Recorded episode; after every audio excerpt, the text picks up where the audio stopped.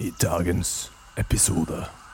Det handler først og fremst om måten vi velger å produsere på. Enten det er snakk om ert eller bønner eller potet eller kjøtt, så er det måten vi velger å produsere maten på som avgjør om det er eh, belastende eller regenerativt. Så det regenerative landbruket som jeg snakker veldig mye om, det handler jo om å, å drive matproduksjon på en måte som gjør at du gir tilbake det du tar, sånn at det hele tida vil fortsette. Og det har jo ikke vi gjort de siste 100 åra.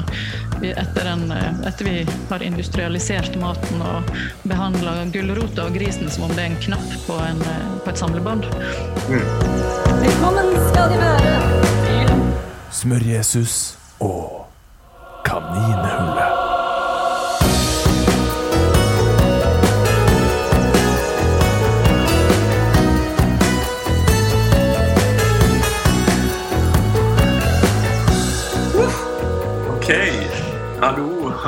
hallo.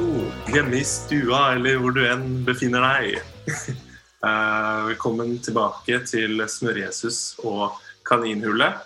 Hvor vi nok en gang skal ramle ned noen interessante kaninhull og utforske emner som eh, ja, ligger utenfor kanskje normen. I dag har jeg med meg en uh, veldig ålreit uh, gjest. Um, som har uh, Ja, som mange sikkert uh, kjenner til. Hun er en, en blogger, en forfatter, en lærer på Medis Tunsberg medisinske skole. Og har en, en veldig omfattende CV bak seg. skrevet om ting som fermentert mat, kraft, styrke, den styrkende kraften. Og da snakker jeg om uh, buljong. og uh, bærekraftig mat. Hun, jeg har hørt henne blitt omtalt som hele Norges fermenteringsmamma. Ja. Velkommen, Gry Hammer. Tusen takk, Trym. Eh, jeg fikk nok ikke med meg alt i den introduksjonen. Prøvde å få med så mye jeg kunne. Men eh, ja, hvordan har du det i dag? Jo takk, jeg har det kjempefint. Ja. Jeg har det bra. Godt. Travelt. Mm. Ja, ja. Det, det har ikke det, Kjenner meg igjen i den. Det mm. har ikke kanskje endra seg så mye. Nei, jeg tror det at den eh, Jeg tror jeg er født med virketrang. Den virketrangen er det vanskelig å legge av seg. Men jeg prøver bare å eh, temme hesten, sånn at eh, jeg klarer å prøve å ri på én hest og ikke fire samtidig. ikke sant. Ikke sant. Mm. Der har jeg nok mye å lære selv. Jeg òg. jeg òg. En evig kamp. Mein kamp. Det er vel akkurat den for meg. Yes. yes. Mm. Um, du, før vi um, snakker om alt vi skal snakke om, så mener ennå ikke helt kanskje vet hva vi skal snakke om, kan ikke du Jeg har litt lyst til å bli litt mer kjent med, med din historie, og på en måte hvor hvor denne lidenskapen for uh, mat og, og sunn mat, bærekraftig mat, eh, kom fra? Er det noe som på en måte alltid har vært eh, med deg, eller eh, på en måte var det noen spesifikke ting som sendte deg ned den stien? Mm. Men det er jo komplekst. Det er litt sånn morsomt, da, for du spør meg om maten. Og det er jo bare en, en, en del av alt det som jeg mener er viktig, og som jeg snakker om. Men det er det folk flest har lyst til å høre meg snakke om, så da blir det mest mat. Kanskje, kanskje helse er, er, det et bedre ord? Som, som leve, leve, som et helt menneske et meningsfullt, friskt liv på jord i, i, i samklang med, med, naturen, kanskje. Det er vel det som er min, mitt ønske og mitt håp for både meg sjøl og verden, jordkloden. Ja. At vi koble oss litt mer på, på å leve helere liv. I kontakt med oss sjøl og omgivelsene. Istedenfor dette her stykkevis og delt-greiene vi holder på med, der vi skal være eksperter på én ting. Og, um, ja, apropos det, jeg husker jeg snakket med deg i, i sin tid, når du drev og spekulerte hva Du hadde liksom snakka om deg sjøl som Smør-Jesus. Og så sier jeg at det er et fantastisk navn. Du må aldri, aldri slutta å kalle det for Smør-Jesus, for det var helt fantastisk. Men det er jo egentlig litt sånn mm, Det motsatte av det jeg mener at vi skal gjøre Å spisse oss og bare bli én ting. For du blir smør-Jesus til du dør, du, Trym. ikke sant? Fordi du har gått ut og blitt det. Eh, på samme måte så blir jeg og matdama helt til jeg dør, selv om jeg kanskje i løpet av et helt liv er mer opptatt av andre aspekt ved livet enn hva jeg vil ha på brødskiva eller putte oppi kasserolla mi. Så, så det er noe med at vi kanskje også da må forholde oss til den verden vi lever i, og kanskje nettopp det at du kaller det for smør-Jesus. eh, åpner døra innenfor kanskje det her med fett og bla, bla, bla. Og så blir folk mer kjent med deg og universet ditt, og så blir det universet mye videre når de først har kommet inn i, inn i kaninhullet da, på smøret, og så, og så, åpner en ny verden seg. Så det er vel kanskje det vi, både jeg og du har, da, at vi har det på en måte cursingene bliss, det at vi, at vi virker snevre, men det er mye videre perspektiv bakenfor. Ikke sant. Var det flummig? Det var veldig, eh, veldig fint svar. Vi har ikke kommet så langt ned i historien, men vi kan jo Nei, vi har jo ikke det. Historien min Jeg er født urtete. Jeg er født, uh, født urtete, og jeg hadde veldig mange hadde kronisk halsbetennelse mer eller mindre de første tre åra av livet mitt. Som gjorde at jeg også drukna i antibiotika og sulfa og, um, de første tre åra av livet mitt. Sånn at uh, den grunnleggende immunforsvaret mitt ble systematisk og metodisk uh, herpa. Um, helt tidlig i mitt liv. Og det er nok noe jeg må streve med for alltid. Um, og som gjør at jeg har et dårligere utgangspunkt i møte med vår moderne livsstil enn kanskje mannen min eller andre som har et mye bedre utgangspunkt. Uh, og det handler jo om tarmhelse og uh, grunnleggende tarmhelse, egentlig Og hvor vesentlig det er for, for allmennhelsa. Så det må nok jeg sikkert ta hensyn til alltid. Og så har jeg alltid hatt en veldig sterk dragning til naturen. Jeg, følt, jeg husker at når jeg var lita, så følte jeg meg som en del av alt. Jeg følte meg som en del av altså det, var, det var en helt sånn eksistensiell opplevelse at jeg, jeg, var bare en del av alt. Uh, og så har jo da samfunnet og Er det noe som ikke stemmer? Nei. Trym? Nei? ok, nå må slette, ta vekk det. Så du strevde med noe. Um, ja. Jeg, hus, jeg, husker at når jeg var lita, så følte jeg meg veldig som en del av en helhet. Jeg følte meg som en del av altet. Um, og jeg følte meg veldig nær naturen og omsorgspersonene mine. Jeg følte ikke at det, det var meg og deg, jeg følte at vi var ett. Mm. Og så blir det jo da å indoktrinere seg. Dette her livet sakte, men sikkert handler om å plukke oss i stykker. Putte oss i riktige båser. Passe på at du sier det og gjør det for å passe inn. Vi vil jo gjerne være som alle andre og passe inn.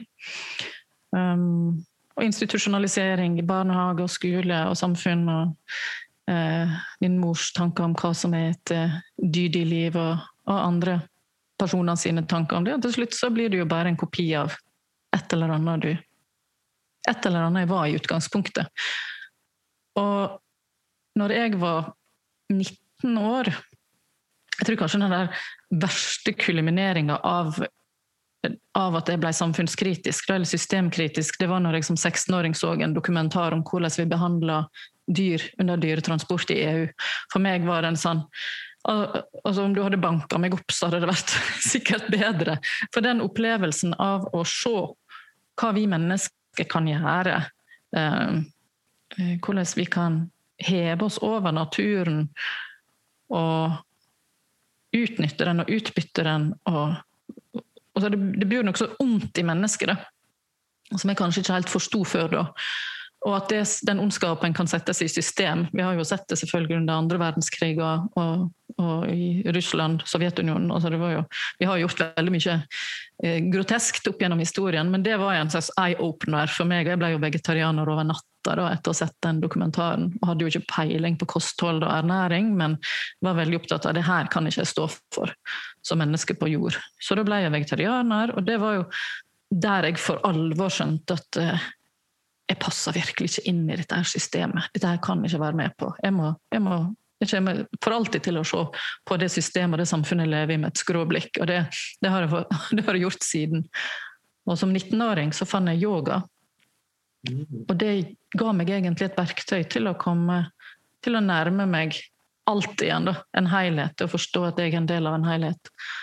Og ga meg ja, konkrete verktøy til å få kontakt med meg sjøl igjen, og på den måten også koble meg på det som, som jeg syns er viktig. Ja, videre historie. Skal du ha mer historie? ja, i 20-åra så, så, det hjalp meg jo ikke på betennelse. Jeg veldig, var veldig plaga med bihulebetennelse, allergier, blærebetennelse Masse sånn betennelsestilstander i kroppen gjennom hele oppveksten. Gikk på dobbeldose med antihistaminer, hadde veldig vonde menstruasjonssmerter når jeg var sånn 13-14 år, så jeg klarte ikke å sitte i ro i timen, så jeg da måtte da få begynne på p-piller, mente legen, og da, det hjalp jo på smertene. Så når jeg var 25 år og var student i Bergen, så, så, så, så begynte jeg å lure på om skal, skal jeg virkelig, må jeg virkelig ha det sånn. Og jeg husker jo ikke hvorfor jeg gikk til en homopat. Kari Helena Skogseide het hun på, på, i Bergen. Jeg husker ikke hva som gjorde at jeg for dit, men jeg for dit, og dagen etterpå så fikk jeg natriummur, som var liksom en homopatisk middel. Og jeg trodde ikke noe spesielt på homopati heller, men den morgenen etterpå så har jeg aldri til dags dato vært så symptomfri på allergi noen gang. Altså, jeg kan ikke huske å ha hatt en sånn opplevelse. Og da, Det var jo svar nok for meg på at dette her no, dette universet her, det må jeg utforske. Så gikk jeg til hun litt, og så ble jeg mer nysgjerrig på sånn, Kanskje det var hun som begynte å snakke om blodtypedietten også, det husker ikke jeg. Men så slutta jo jeg Jeg har blodtype A, så da slutta jeg med melkeprodukt og gluten. Og det hjalp jo veldig. Så selv om jeg i dag ikke er sånn blodfan av blodtypedietten, så var det noe med at det fjerna to av de verste triggerne for mitt system. Um, og gradvis. Og så fikk jeg unger da jeg var 28 år, og selvfølgelig opptatt av at de skulle ha det bra. Innså at vi ikke fikk i oss nok næring på det vegetariske kostholdet når jeg fikk mitt tredje barn med en alvorlig hjertefeil. Men jeg holdt jo gående med raw food og vegan food og vegetarmat helt til han var en halvannen til to år. Og så var jeg hjemme i Selje, der jeg kommer fra. Og der var det fikk vi tak i et fenalårs på mobilslakt, og vi visste hvem bonden var, og hvem som hadde slakta, og så tenkte jeg ja, ja. Så sto mannen min der og sa 'gi meg', sa han. Det var en sånn dyrisk respons. Så. Han kommer jo fra gard, og han, han, kommer fra en gard, og han skjønte liksom ikke hvorfor skal vi holde på med de vegetargreiene. Sant? De slakta jo sitt, det som de åt, på bås, og hadde ikke det forholdet til den traumatiserte veganske, vegetarianske bakgrunnen som jeg hadde. Så han skjønte ikke helt dette der, og kroppen han var ikke vant med å være vegetarianer, så han gikk, gikk jo fjerta i fjerta, fjerta, fjerta, fjerta på disse grønsken min som jeg serverte hele tida. Og jeg òg, for den saks skyld. Når han da fikk fenalår, og sønnen min på halvannet til to år Han åt og han åt og han åt og han åt. og han åt, liksom Flis etter flis etter flis jeg skar, og så tenkte herregud, Gry det virker Du skal ikke la din idealisme gå utover dine barns helse. Jeg hadde jo på en måte til da følt at jeg gjorde det som var riktig i et dyre dyrevelferdsperspektiv. Og jeg, det er jo all verdens forskning som underbygger at det å spise vegetarmat er kjempesunt. Du finner jo forskning på alt. Så du finner jo like masse på, du finner jo mer på det at grønske er helsebringende enn at kjøtt er helsebringende. ikke sant?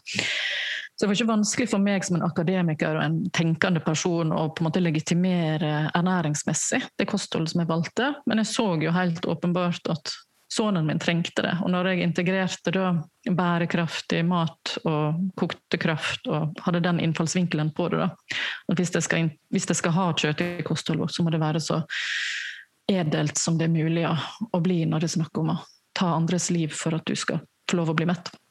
Ja. Og så, han fikk jo et ekstra gir. Alle fikk et ekstra gir. Vi fikk mer stabilt blodsukker hele gjengen. Og, uh, jeg fikk en mye mer stabil energi sjøl. jeg var, ble veldig sånn frynsete. Hvis jeg drakk en halv kopp kaffe, så ble jeg helt skjelven og var veldig sånn reaktiv. Så jeg, jeg ble litt mer sånn robust. da. Alle ble litt mer robust, uten at jeg kan på en måte si at vi gikk i undersøkelser og tok uh, masse analyser før og etter. Det kan jeg på en måte ikke si. Kan ikke tallfeste den opplevelsen. Mm. Det kan ikke. Ikke? Ja, og så har det noen baller på seg, og så sitter jeg nå her og snakker om yoga og mat og eterisk olje og ånd og sjel og kropp og alt i en endeløst sammensurium. Ja. ja. ja. Og det er jo veldig Er det Koser du deg med det? Kos Ja, jeg koser kanskje. Jeg, jeg føler at jeg, men, jeg opplever det som meningsfullt. Men jeg tror ikke jeg, jeg, ikke jeg har ikke en sånn å kose meg-tilnærming til livet. Jeg tror jeg eh, Altså, jeg åpner veldig mange mørke dører og går ned mange mørke hull for å lyse opp mørket, for å få svar og få nye erkjennelser. Så jeg er, jeg er ikke en person som er så opptatt av å kose meg. Jeg tror jeg er opptatt av å jobbe og streve etter å få mest mulig, og finne ut mest mulig, og forstå mest mulig, og erkjenne mest mulig i løpet av et liv. Og det, da blir ikke det så mye ja, Kanskje det er det som er kosing for meg? Å være et nysgjerrig, søkende menneske. Redefinere definisjonen av eh, kosing. Ja, når du sier kos, så ser jeg for meg en sofa og smågodt og Netflix-serie. Og der er jeg veldig, veldig, veldig, veldig, veldig sjelden. Ja, jeg tror jeg vi er veldig Ja. Like. Ja, ok. Men uh, um, For det er jo interessant Du snakker om at uh, du oppdager på et tidspunkt at uh, ja, kanskje kjøtt gir deg denne her mer robuste det ekstra giret, ikke sant? Uh, for, for det jeg kjenner meg Det har vært, vært et veldig stort spørsmål hos meg også, som er veldig opptatt av ikke? Jeg har sett alle de videoene med dyre hvordan dyr blir behandla i kjøttindustrien. Og eh, jeg har eh, hørt alle snakke om klima og eh, hvordan kjøtt er eh, klimaverstingen og alle disse tingene. Så det å Men det å da, etter å dykke mer ned i ernæring og forstå at kjøtt er en essensiell brikke for eh, Eller sånn som det virker, i hvert fall, eh, for en, for en god helse. Det å klare å, å eh, ja, legitimere eller um, finne ut hvordan man skal um, løse de to problemene og på en måte bringe dem sammen, sånn at uh, Skjønner du hva jeg mener? Jo, jeg skjønner veldig godt hva du mener. For meg er det jo Som sånn, et sånn studie som du Et spørsmål som du måtte finne ut av? Nei, altså, det det er jo flere perspektiv her. Sant? Altså, hvis en skal tenke sånn samfunnsernærings Hvordan skal vi ernære flest mulig mennesker på jord? Så tror jeg nok en kombinasjon av eh, animalsk mat og vegetabilsk mat er løsninga. Jeg tror også at det, det handler først og fremst om måten vi velger å produsere på. Enten det er snakk om ert eller bønner eller potet eller kjøtt, så er det måten vi velger å produsere maten på som avgjør om det er eh, belastende eller regenerativt. Så det regenerative landbruket som jeg snakker veldig mye om, det handler jo om å, å drive matproduksjon på en måte som gjør at du gir tilbake det du tar, sånn at det hele tida vil fortsette. Og det har jo ikke vi gjort de siste 100 åra. Etter, etter vi har industrialisert maten og behandla gulrota og grisen som om det er en knapp på, en, på et samlebånd. Mm. Um, uten følelser, uten, uten energi, uten, uten verdi. Utover knappe stadiet. Og da blir det en matproduksjon som har veldig veldig dårlig karma i seg, for å bruke et litt flummig ord. Og jeg tror den energien som er i det ulykkelige dyret, overhodet ikke kan føre noe godt i en menneskekropp heller. Det, alt henger i hop på et eller annet vis.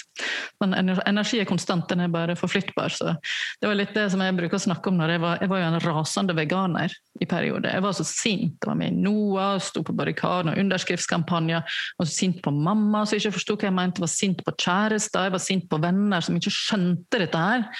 At at ikke de var villige til å ta det inn over seg. Um, og når jeg kom og når jeg ble skikkelig voksen og hadde fått unger og begynte å forstå mer hvor komplekst alt er, så fikk jeg den erkjennelsen av at når du er så sint Det er veldig mange som kjemper for dyrevelferd. Jeg forstår sinnet, for jeg har kjent på det, og jeg kan kjenne på det enda.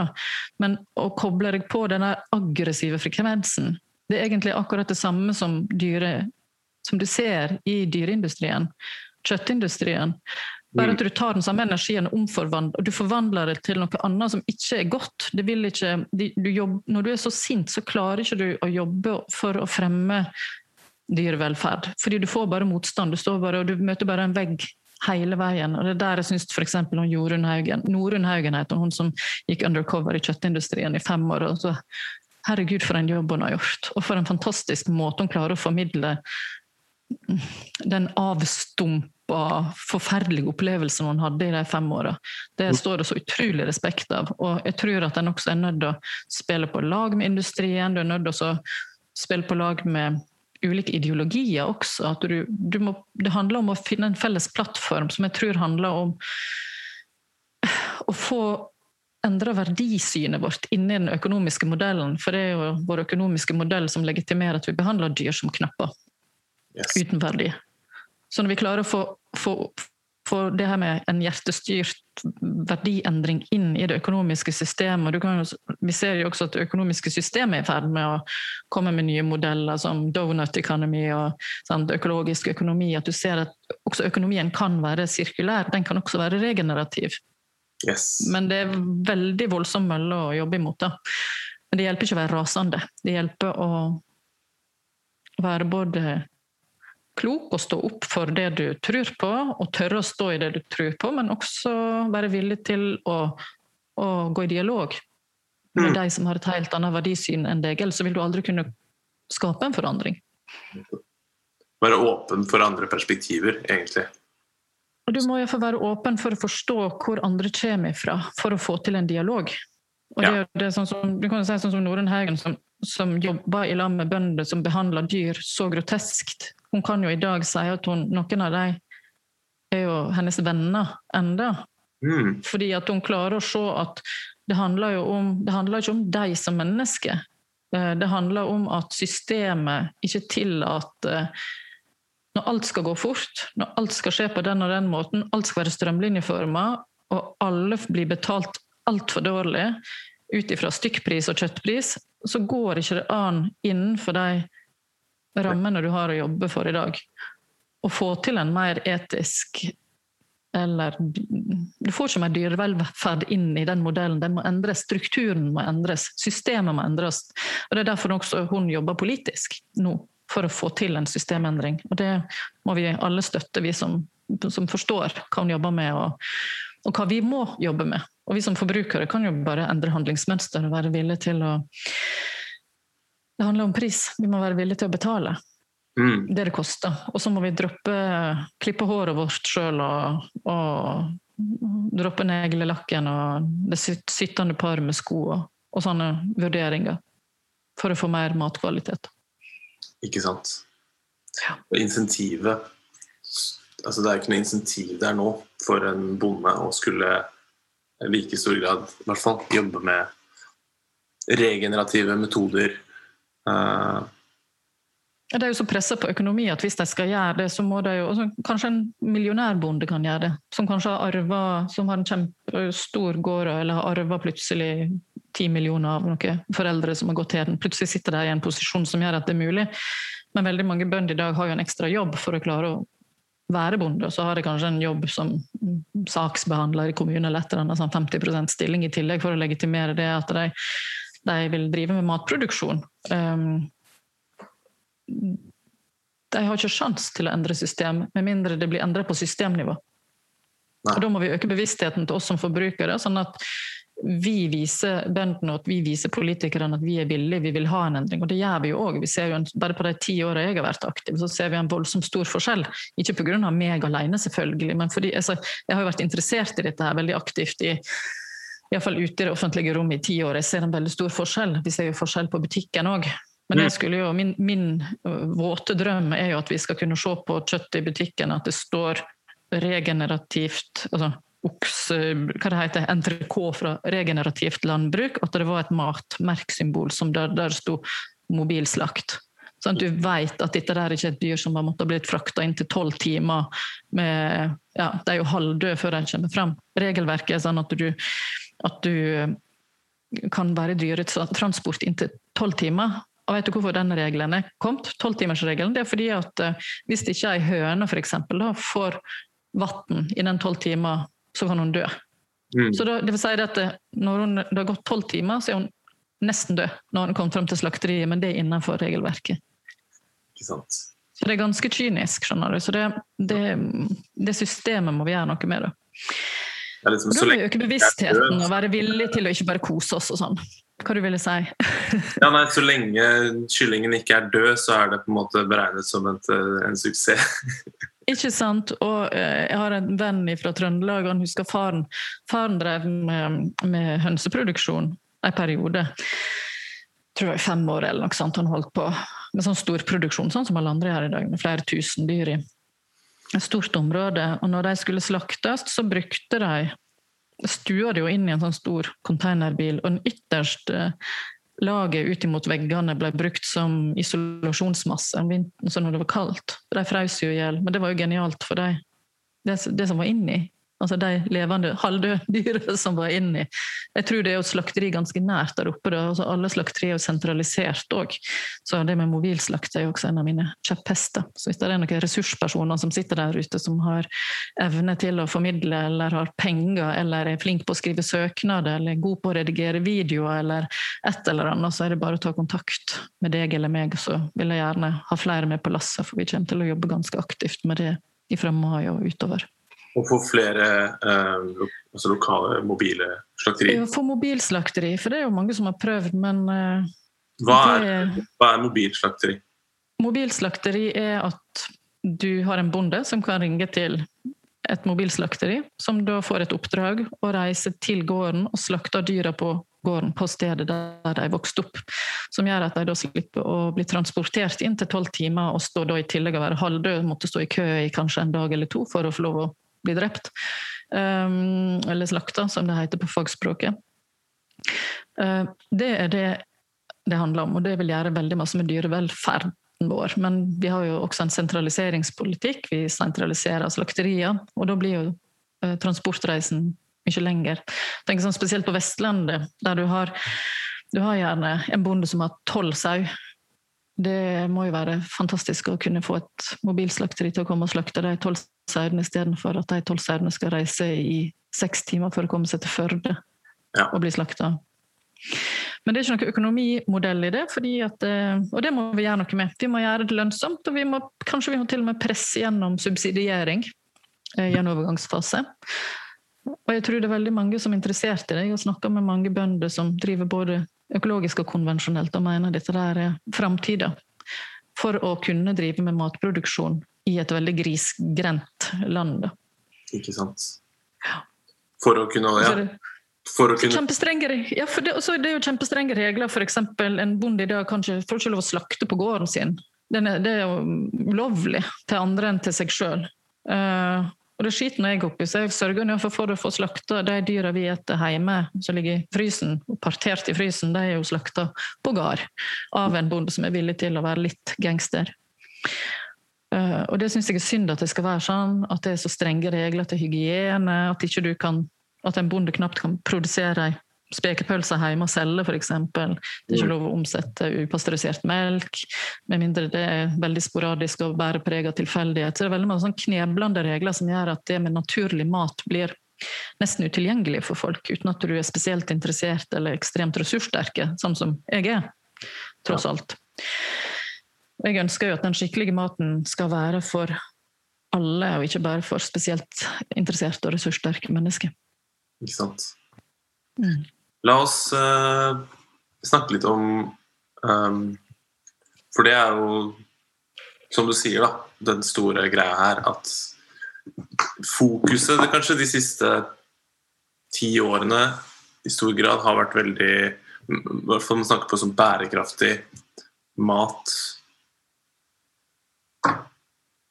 kjøtt mot planter, på en måte. Det har blitt det narrativet som, som, som vi har fulgt.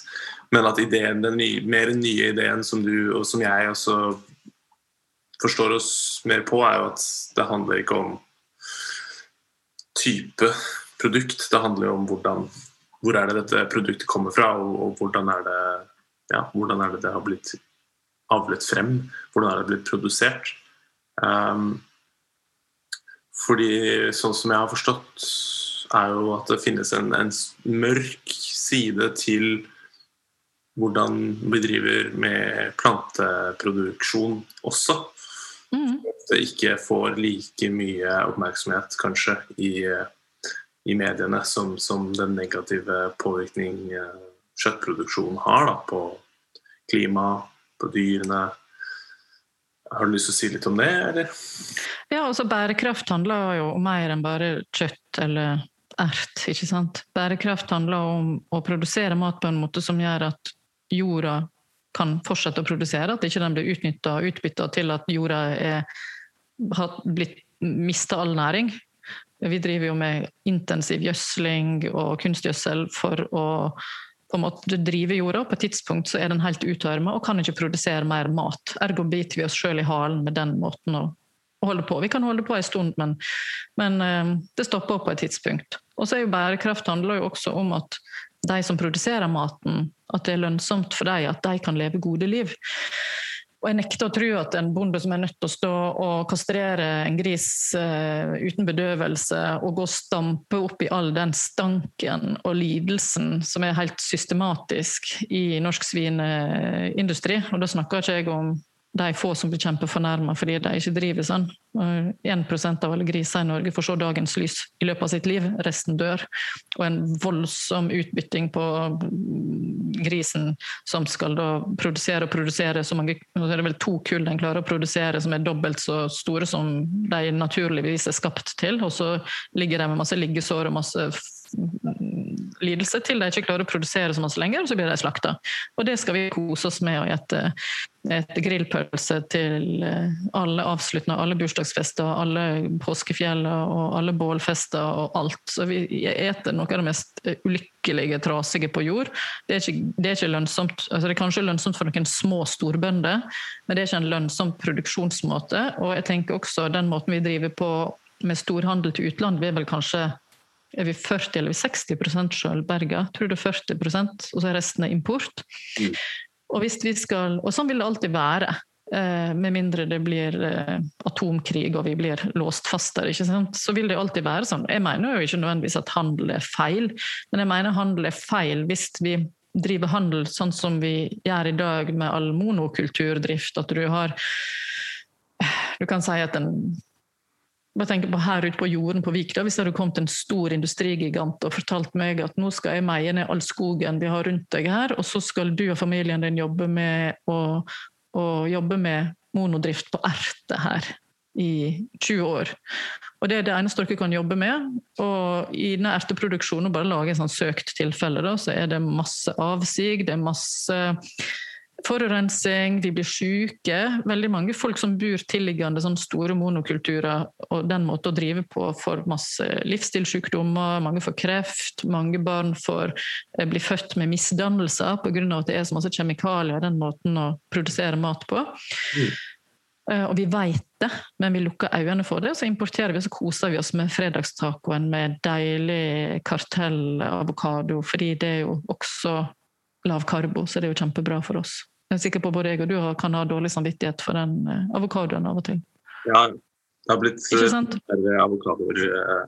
Det har blitt færre avokadoer, ikke sant? Det har det jo blitt uh, i, i, i, min bok også. Men det det er, vanskelig, dette her. Og det er også snakk om bærekraftig matproduksjon. Om den er aldri så vegansk eller plantebasert, så er det et ganske ræva uh, CO2-avtrykk på den også. Og med tanke på også hvordan jorda blir utpint ved den drift som det er mest av, av det vi importerer iallfall, og med tanke på hvordan de mennesker som jobber med den maten, har det, så syns jeg det er veldig uverdig. Ikke sant. Bare for... Det kan være så plantebaserte bare vil det uverdig, og det er ikke bærekraftig. Nei. Nei, de monokulturen er ganske Bare for å oppklare, hvis det er noen som ikke skulle vite hva monokultur er ennå og så er det i hvert fall når man, eh, ja, som Gry sier, river ned hele områder.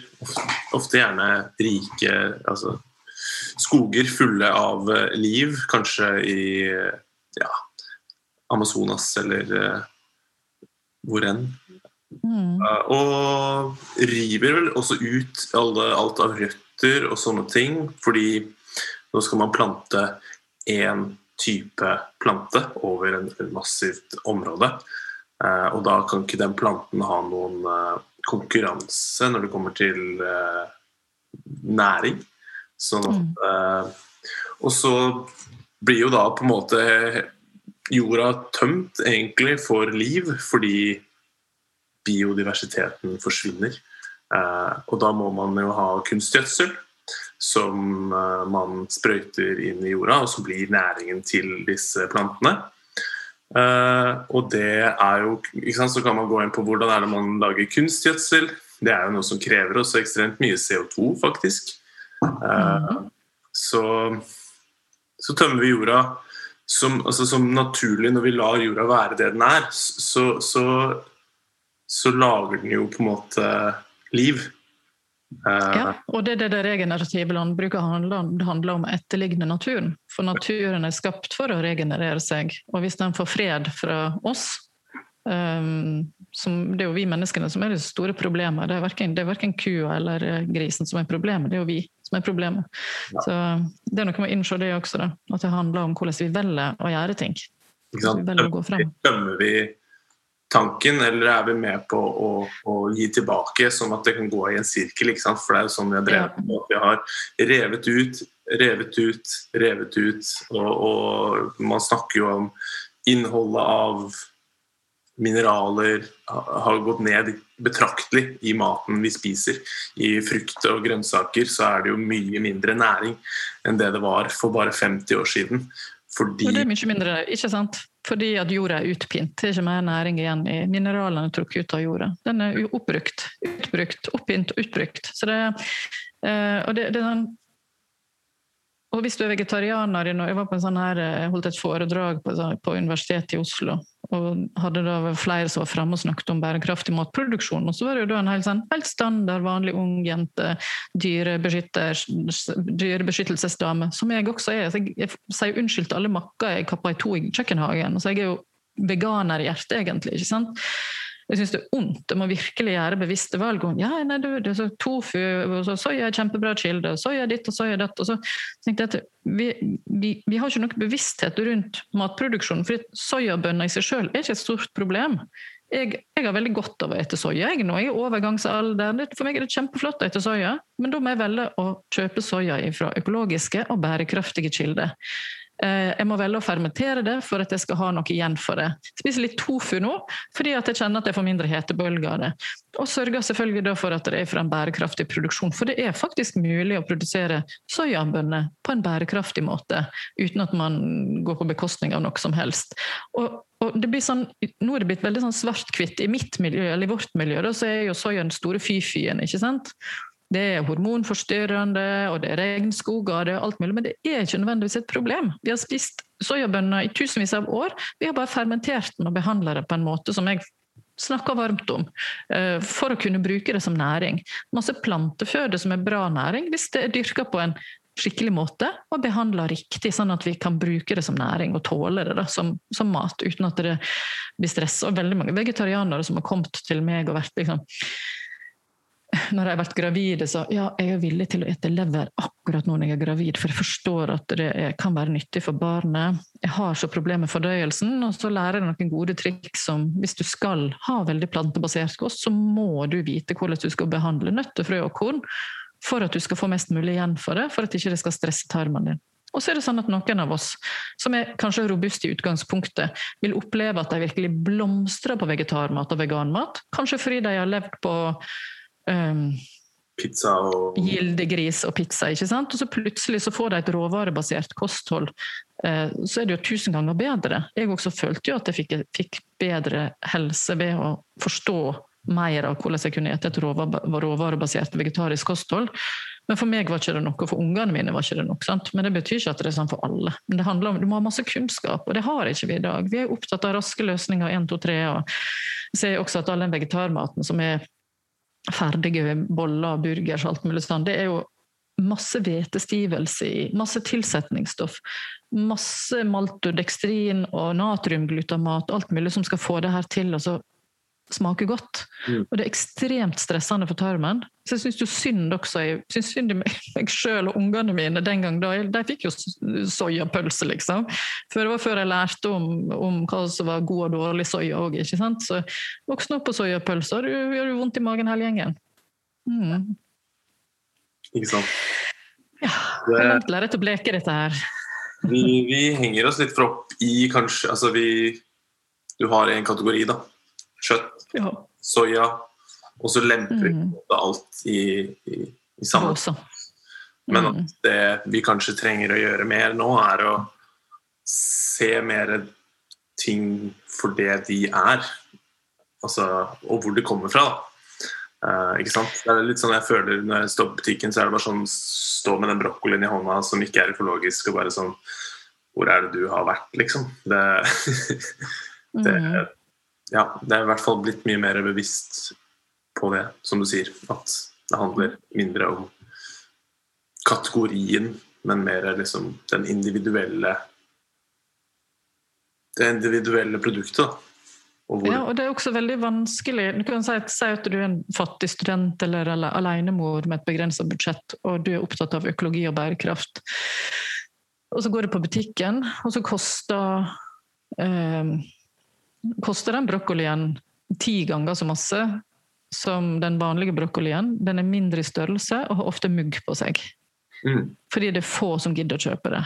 Mm. Så det blir, det blir veldig vanskelig for den alenemora å ta de valgene som er, hun egentlig vet er riktig. Og Det tror jeg også er veldig sånn, skaper stress. Da. Det at vi kanskje har kunnskap, og så må vi liksom, likevel navigere på en pragmatisk måte i forhold til både egen økonomi og det vi har tilgang på i butikken. Og du må og det er også vel, Vi er på en måte oppdratt i et samfunn som gjør at vi blir mentalt late også. Vi sitter og scroller på sosiale medier. Vi, vi har tre beste tipsa til å bli kåte, eller til å bli slanke, eller til å bli lykkelige, eller til å sove godt. Og hvis ikke vi finner svaret med de tre overskriftene, så ah, ja ja, vi får bare se en Netflix-serie til det, og spise litt mer godteri, eller sånn. Altså, vi, vi har liksom numma oss ned i samfunnet vårt.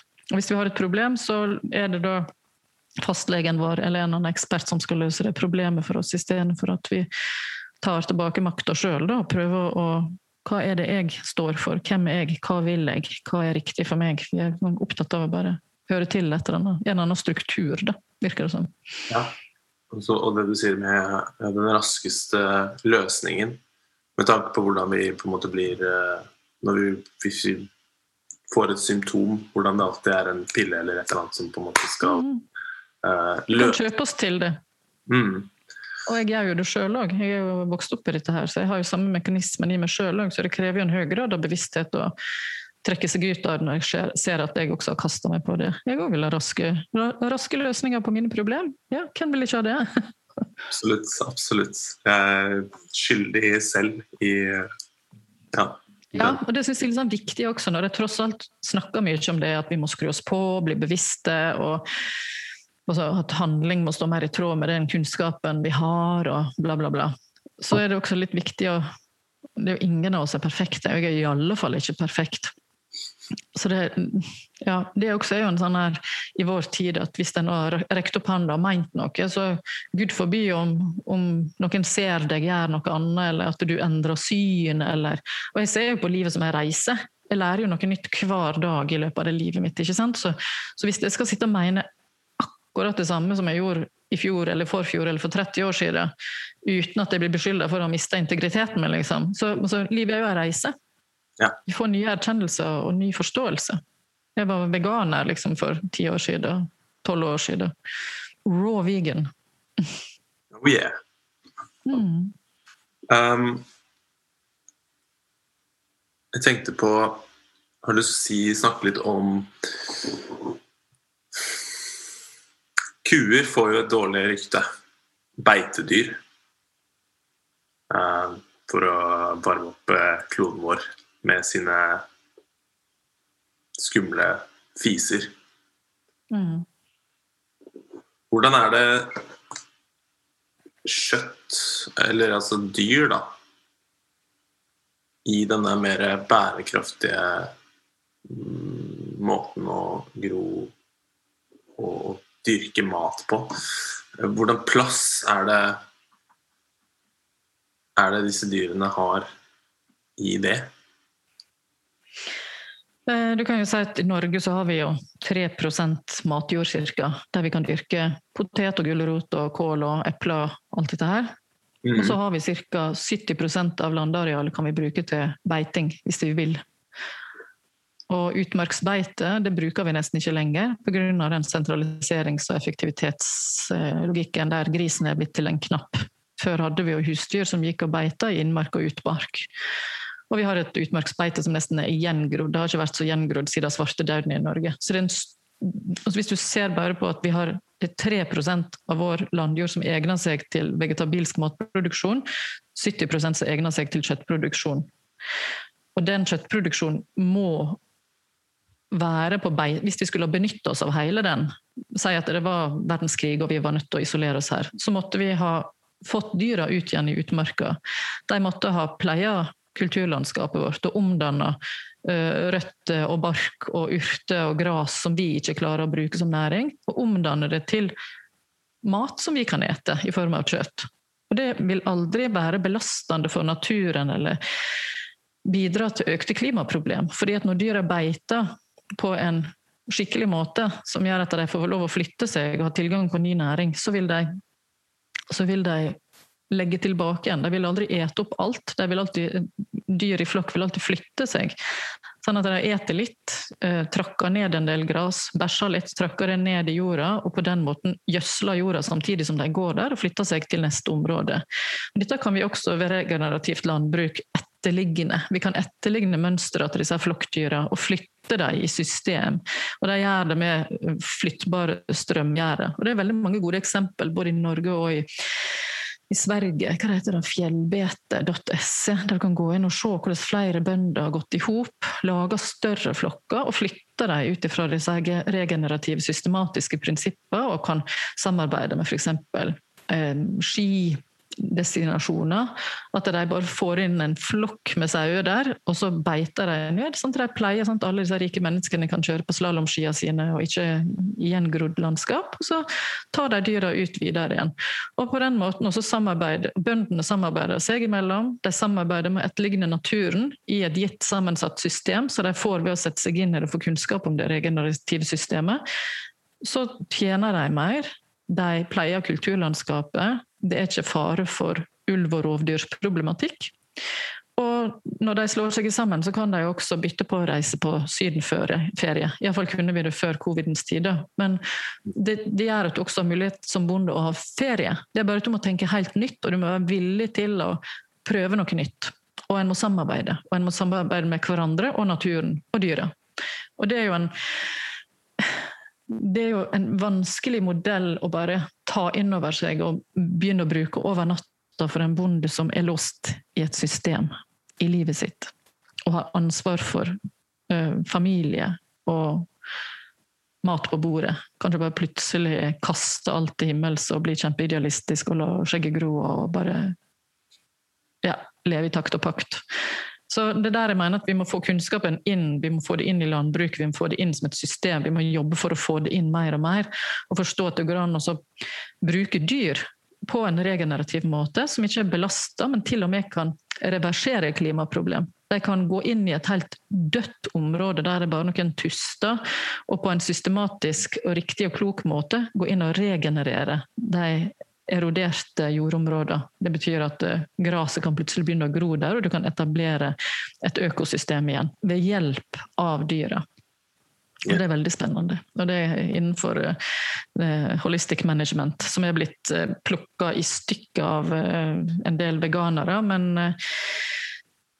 det er så mye forskning på alle kontinent som viser at dette der er en farbar måte å drive landbruk på. Men det er manglende politisk vilje til det. Um, og de som mener at vi ikke har rett til å spise dyr, vil aldri de vil alltid finne en forklaringsmodell på at det der ikke er en farbar vei, at det er grønsken som er farbar veien. Eh, eller snakke heller for den regenerative måten å drive med planteproduksjon på, og vil ha det istedenfor dyr.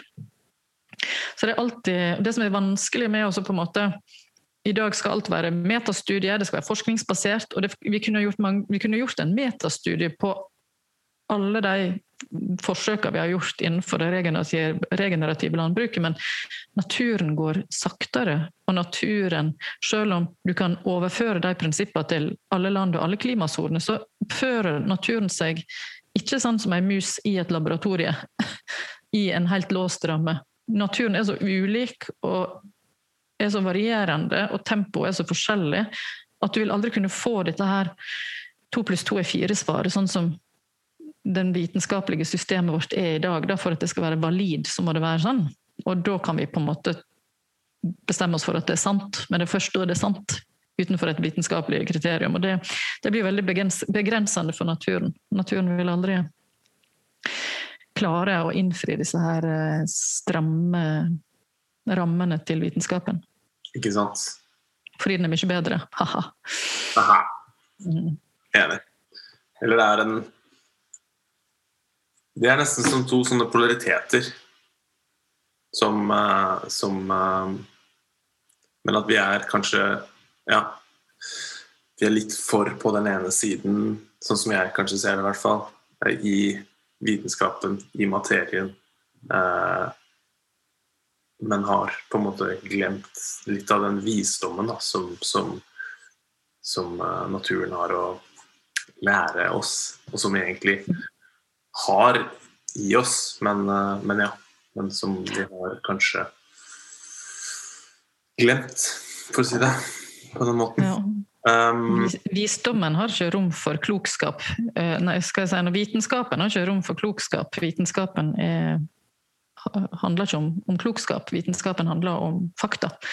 Og ut ifra noen bestemte kriterier som er bestemt på forhånd. Og da må jo de fakta innfri innenfor de kriteriene, ellers så blir det ikke fakta.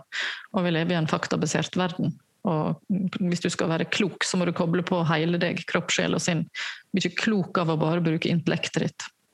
Nei. Den passer fint, Intellektet ditt passer fint til vitenskapen, men uh, vi består av mye mer enn bare tanker og hjernemasse. Mm. Yes. Um, det er uh ja, det er veldig interessant med disse eh, metodene. Og bare for å uh, legge til dette med disse fisene, da.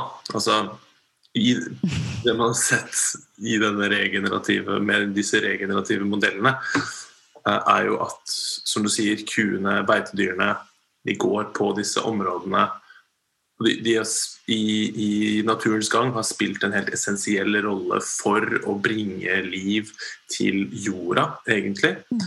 Som, og jorda er jo der alt starter. Det er jo der alt kommer fra.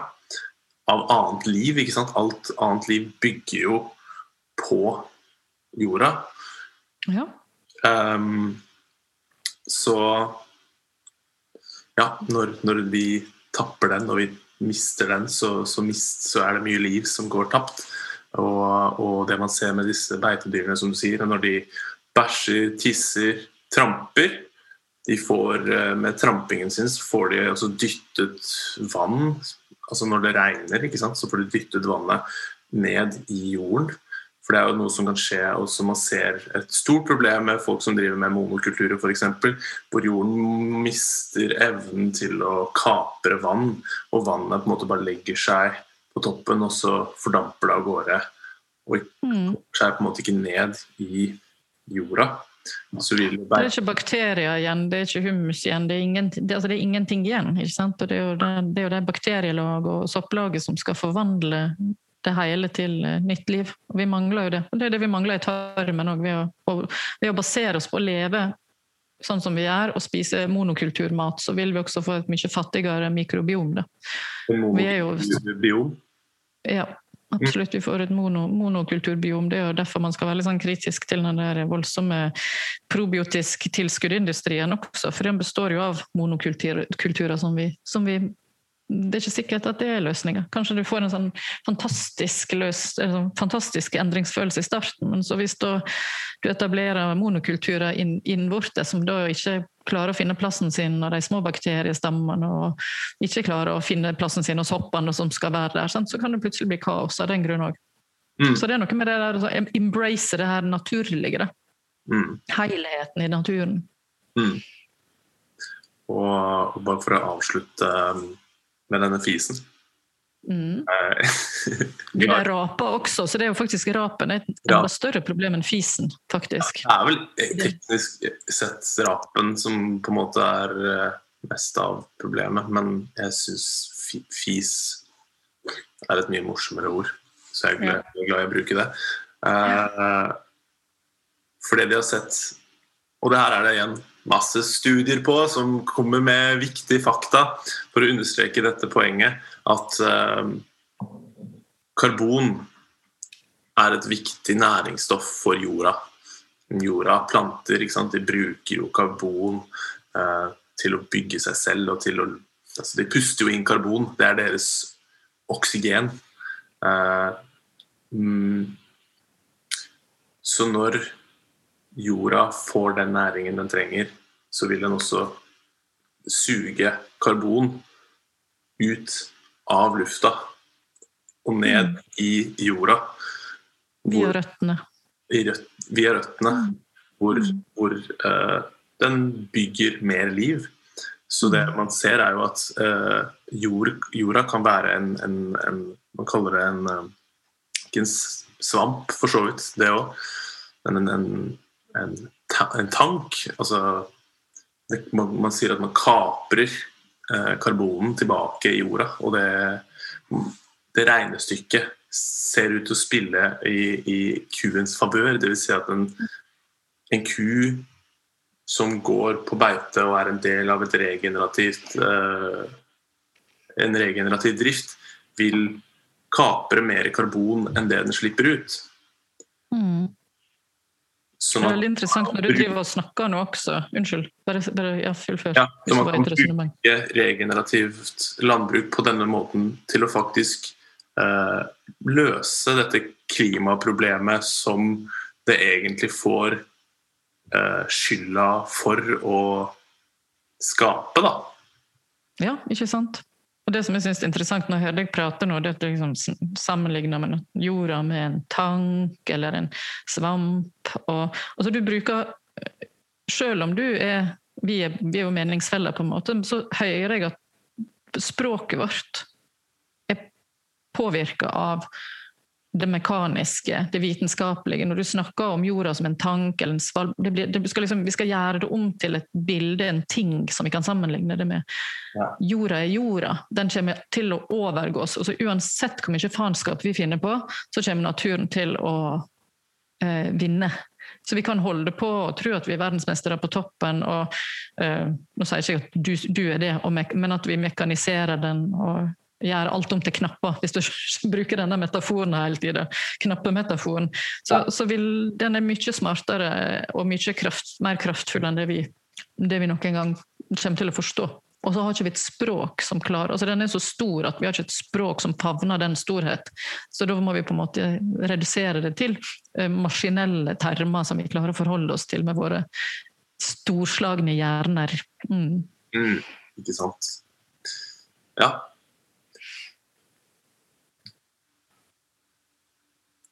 Skal vi se Har vi eh, noe mer vi ønsker å snakke om eh, når det kommer til eh, kjøtt og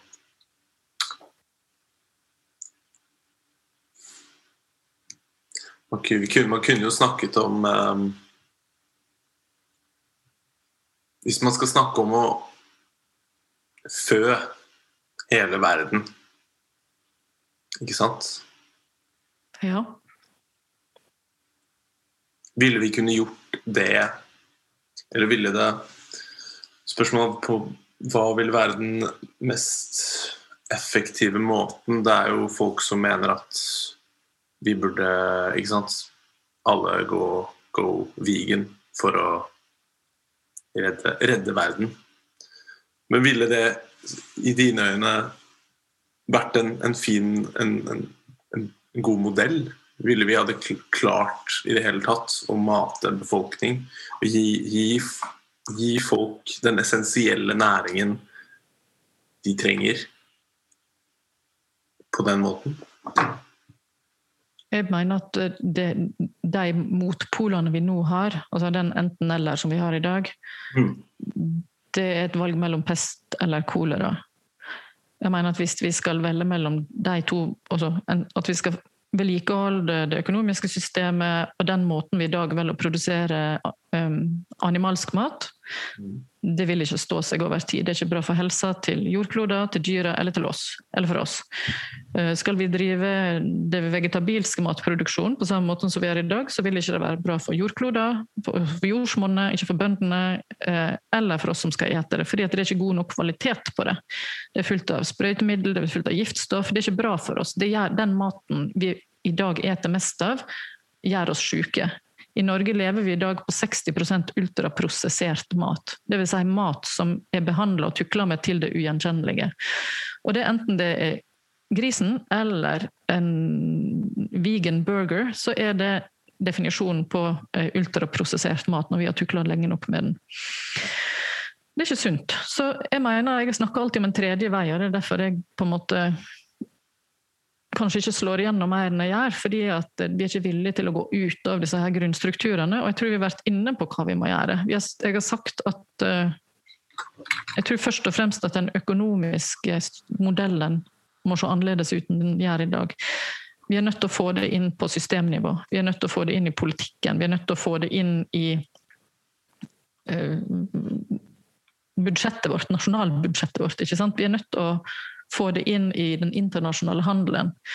Da for eksempel, jeg leste om en sånn, jeg tror det var fra Ghana, ei dame som importerte skeasmør fra eh, der hun kom ifra. Hun bodde i Norge i 20-30 år, men hun importerer det og selger det i Norge. Da. Fantastisk imot atopisk eksem og, og kuldekrem, og, og sånn at vi kan bruke det i Norge. Og det, med den måten det hun gjør, er å sørge for at mange kvinner får jobb de klarer å ta større ansvar. Det bidrar til at de eh, får vekk analfabetisme. Eh, egenverd. De klarer seg selv, de klarer å ta vare på familie, unger og venner. Eh, det bidrar til likestilling mellom kjønnene. Men det hun sier, er at det beste er hvis de også får lov å tilberede det ferdige produktet der på stedet. At ikke de bare skal høste masse bønner eller høste masse et eller annet, og så skal vi sende de store skip til Norge eller et eller annet vestlig land som da skal få lov å benytte seg av den råvaren. Så det er mange sånn, du kan si sånn som krydder som vi har handla i tusenvis av år. Vi kommer jo aldri til å slutte med det. Det er ikke noe mål for meg at vi skal slutte å bruke skiasmør eller importere kanel. For det vil jo være å plutselig ta inntektsgrunnlaget fra folk. Så jeg mener ikke vi bare skal knipse og slutte med alt mulig.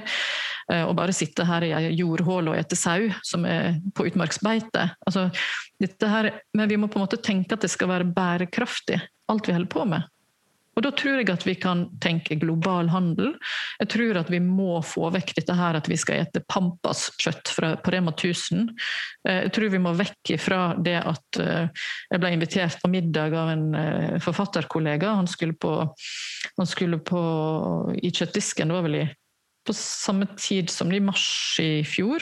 Skulle kjøttdisken og spørre etter lam. Skulle lage lammekaré. Og de hadde ikke norsk lam. De hadde ikke sau engang fra Norge, for det var jo da all sau var på et lager ikke sant, som ikke gidder å ete opp i Norge. Uh, og, men de hadde importert lam fra New Zealand. Og det, jeg tenker at Vi må vekk fra det. Vi trenger ikke å importere kjøtt fra utlandet og bidra til de økte klimabelastningene det er både å drive de sånn som de gjør der, forferdelig slakteripolitikk der nede, og i tillegg frakte dem med skip, tankskip til Norge. Det er ikke bærekraftig. Men det er bærekraftig å begynne å bruke vår egen natur til kjøtt, at vi på en måte grunn, at vi på en måte har kjøtt og fisk. Vi sender jo fisken til Kina og pumper den full i vann, og så får vi den tilbake igjen til våre egne frysedisker. At vi kan være sjølberga på disse her hovedmatkildene som kjøtt og fisk. Mm. Som det er helt absurd at vi ikke er. Uh, gitt at vi har den naturen vi har, som er først og fremst egnet til animalsk matproduksjon.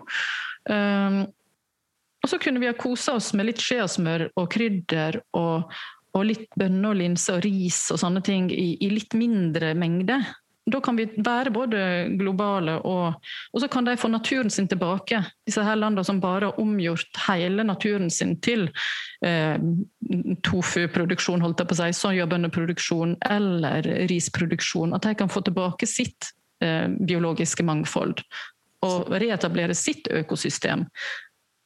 Det tenker jeg. Vakkert. Ja, Det ser dessverre ikke så vakkert ut, men jeg tenker at det, det tvinger seg jo fram. Vi kan sitte her og snakke idealistisk om det, og det er jo ikke slik verden er i dag. Den ser jo mye grellere ut. Men hvis ikke vi med den kunnskapen vi har og den bevisstheten vi har, vel å bruke både klokskap og vitenskap til å fremme disse her endringene, både i det økonomiske og i produksjonsmåtene, så tvinger, det tvinges jo frem på et tidspunkt. Ved at vi klarer å utnytte naturen eller utbytte den. Sant? Det plutselig kommer et eller annet virus som sikkert er 20 ganger mer hardtslående enn den der covid-19. Så vi får jo smekk på punget, ikke sant? Det er karma, dette her. Når vi holder på sånn, tuller og tøyser, så svarer naturen med å Den er jo i ubalanse. Og all natur som er i ubalanse, går du kan, si, kan gå hardt, altså kan, det kan skylle hardt over deg for at naturen skal prøve å komme i balanse igjen. Kan til, naturen kan gå til ytterpunkt for å prøve å reetablere balansen. Ja. Mm. Det er sånn som alt, på en måte. I det fundamentalt prinsipp i universet med at ting søker etter eh, en balanse. Mm. Og når ting faller i ubalanse, så, ja, som du sier, så er det ekstreme tiltak som kan eh, måtte til for å finne tilbake til den balansen. Så, det kan jo være noen millioner mennesker som ofres for at den balansen skal opprettes igjen. ikke sant? Så det, det er ja. bare, Vi kan bare fortsette, så får vi jo svaret på det. Fortsett sånn som vi gjør, får vi svar.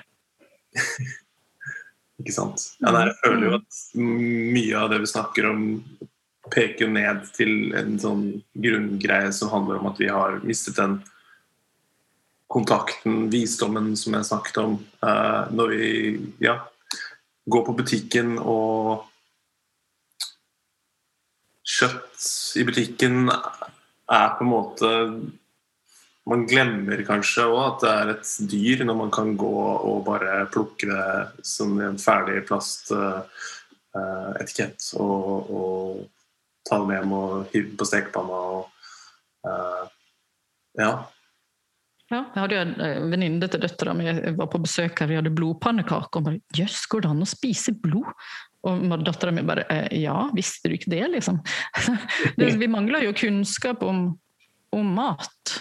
Og det er klart, hvis du, hvis du, tar et dyr, så gidder du å ete hele dyret. Og lage mat av blodet, koke krafta, Uh, bruke, kutte opp beina og lage kraft og karé og whatever. ikke sant? Så, så, så trenger du jo faktisk ikke nødvendigvis å ha en sånn vanvittig kjøttproduksjon som vi har i dag.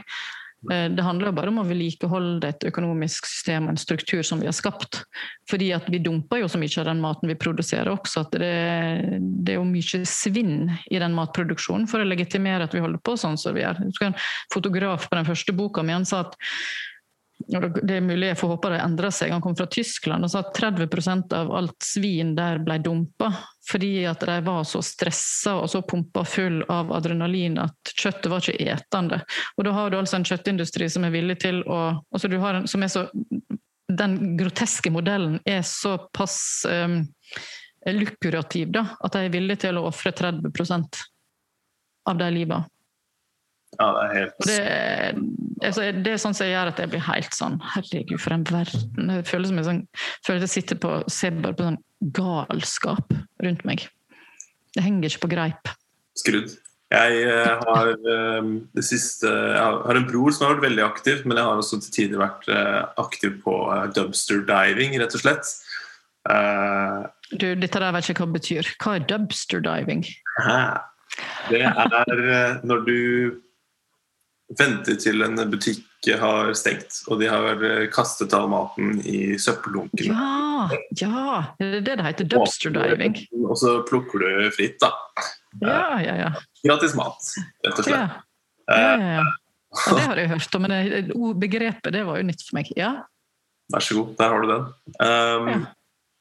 Og det er jo også noe som bare har åpna huet mitt helt til galskapen av ikke sant? Og jeg har jo også en far som driver med, jobber i avfallsbransjen. og har, ja, Så det har vært mye prat om det i, i min oppvekst. Og det er mm. jo noen ganske insane tall på hvor mye mat altså, som blir produsert og kastet. da. Det er vel sånn 30 igjen der også. Uh, ja.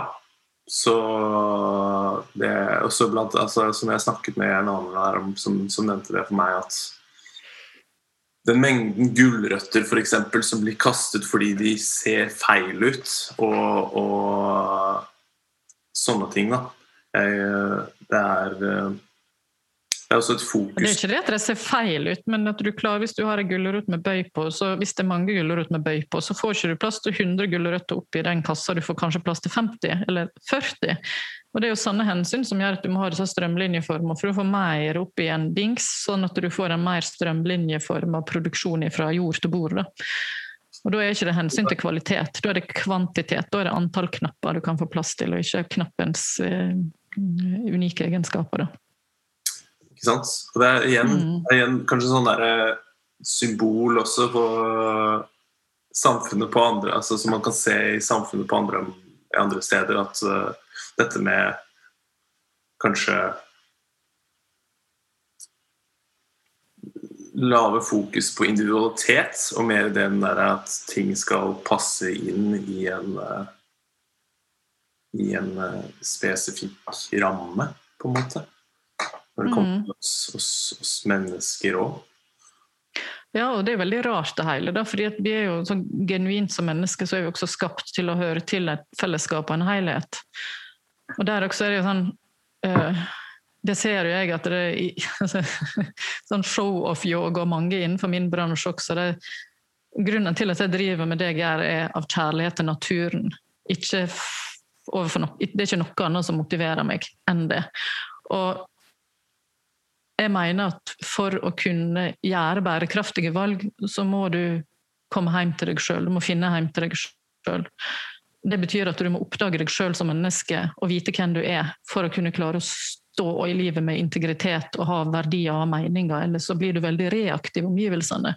Men jeg syns det er en sånn trend i vår tid at vi skal altså det blir sånn at vi kan havne ned i et sånt narsissistisk hull i den der 'Å, nå skal jeg kjenne etter. Å, jeg fortjener å ha det bra.' Og jeg må finne pusten min, jeg fortjener å gå på spa og lære meg yoga og puste. Og jeg altså det havner igjen inn i dette her å, jeg må ha den tightsen for at jeg skal ha det bra i min yogiske tilnærming til livet. Og jeg må i alle fall ha 23 eteriske olje. Det er ikke nok med to. Altså Vi ender likevel opp i denne forbrukskarusellen der det handler om meg og meg og meg og meg. Og da kjenner jeg at det blir sånn Å, herregud, nå må jeg nå må jeg redefinere, nå må jeg snakke litt annerledes, sånn at jeg får fram hva jeg egentlig vil når jeg snakker om disse tingene her. Når jeg snakker om det yogiske. Det handler jo djupest sett om at vi er alle ett. Um, og jeg tror at vi må ta inn over oss at vi er en del av naturen. At vi er en del av denne grisen eller den kua eller uh, denne afrikanske ungen eller, og det økonomiske systemet. Vi må, vi må koble oss på alt da, for å klare å endre det, og ikke bare gå inn i oss sjøl og så havne inn i, inn i en eller annen nytt, nytt pengehull av uh, forbrukertull. Forstå vår rolle i helheten. Eller? Det er jo mange damer som er på min alder og oppover, som har altfor masse penger, som bare får fise rundt på alle disse trendrestaurantene og drikke green smoothies og puster og laster ned yogic apps og er bare på helt på og gjør alt som er trendy, og eteriske olje og bla, bla, bla. Jeg tror ikke de tenker skikkelig over hva det her er, de bare kobler seg på en trend. Fordi vi lever i et samfunn som er trendstyrt. Ja. ja. Det er inn å være vegansk i dag. Og ikke sant, det blir sånn derre Ja, kunnskapsløst, kanskje. At man egentlig ikke har eh, satt seg inn i og forstått seg på det. Men at man hopper på en bølge fordi For å, for å passe inn, for å få en tilhørighet, for å få en aksept. Og fordi at vi har lyst til å ha det godt, ikke sant? Vi har lyst til å ha det godt, og den raskeste veien til å ha det godt, det kan vi ta til takke med det. Ja.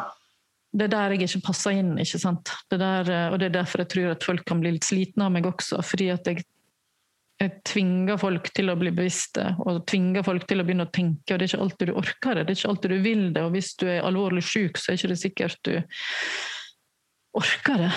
Og det forstår jeg. Jeg forstår det. Oh, yes. Jeg syns det er tungt sjøl. Av og til så syns jeg det er så tungt at jeg kan grine når jeg tar innover meg hvordan ting er. Men jeg kan ikke gjøre noe med det før jeg har tatt innover meg og forstått det. det er, den, den, røde pillen kan være vanskelig å svelge. Ja, veldig. Men, uh... Krevende.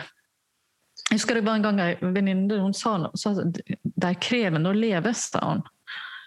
Og for meg var det en sånn setning som Det er ikke mange år siden hun sa det, kanskje ti år siden. Hun syntes det var så krevende å leve. Jeg har aldri tenkt på det sånn, for jeg er så glad i livet, jeg er så takknemlig for livet.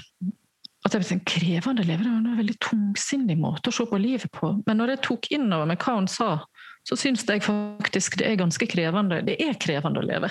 det er strevsomt å leve. Så jeg skjønner at folk strander på en uh, coffeeshop med en green smoothie, og samtidig på enkelt vis kan dra bærekraftskortet sitt og føle at det, er ah, ja, ok, nå har jeg eh, papirpose her, da er jeg innafor. Nå føler jeg meg uh, økologisk og bevisst og bærekraftig.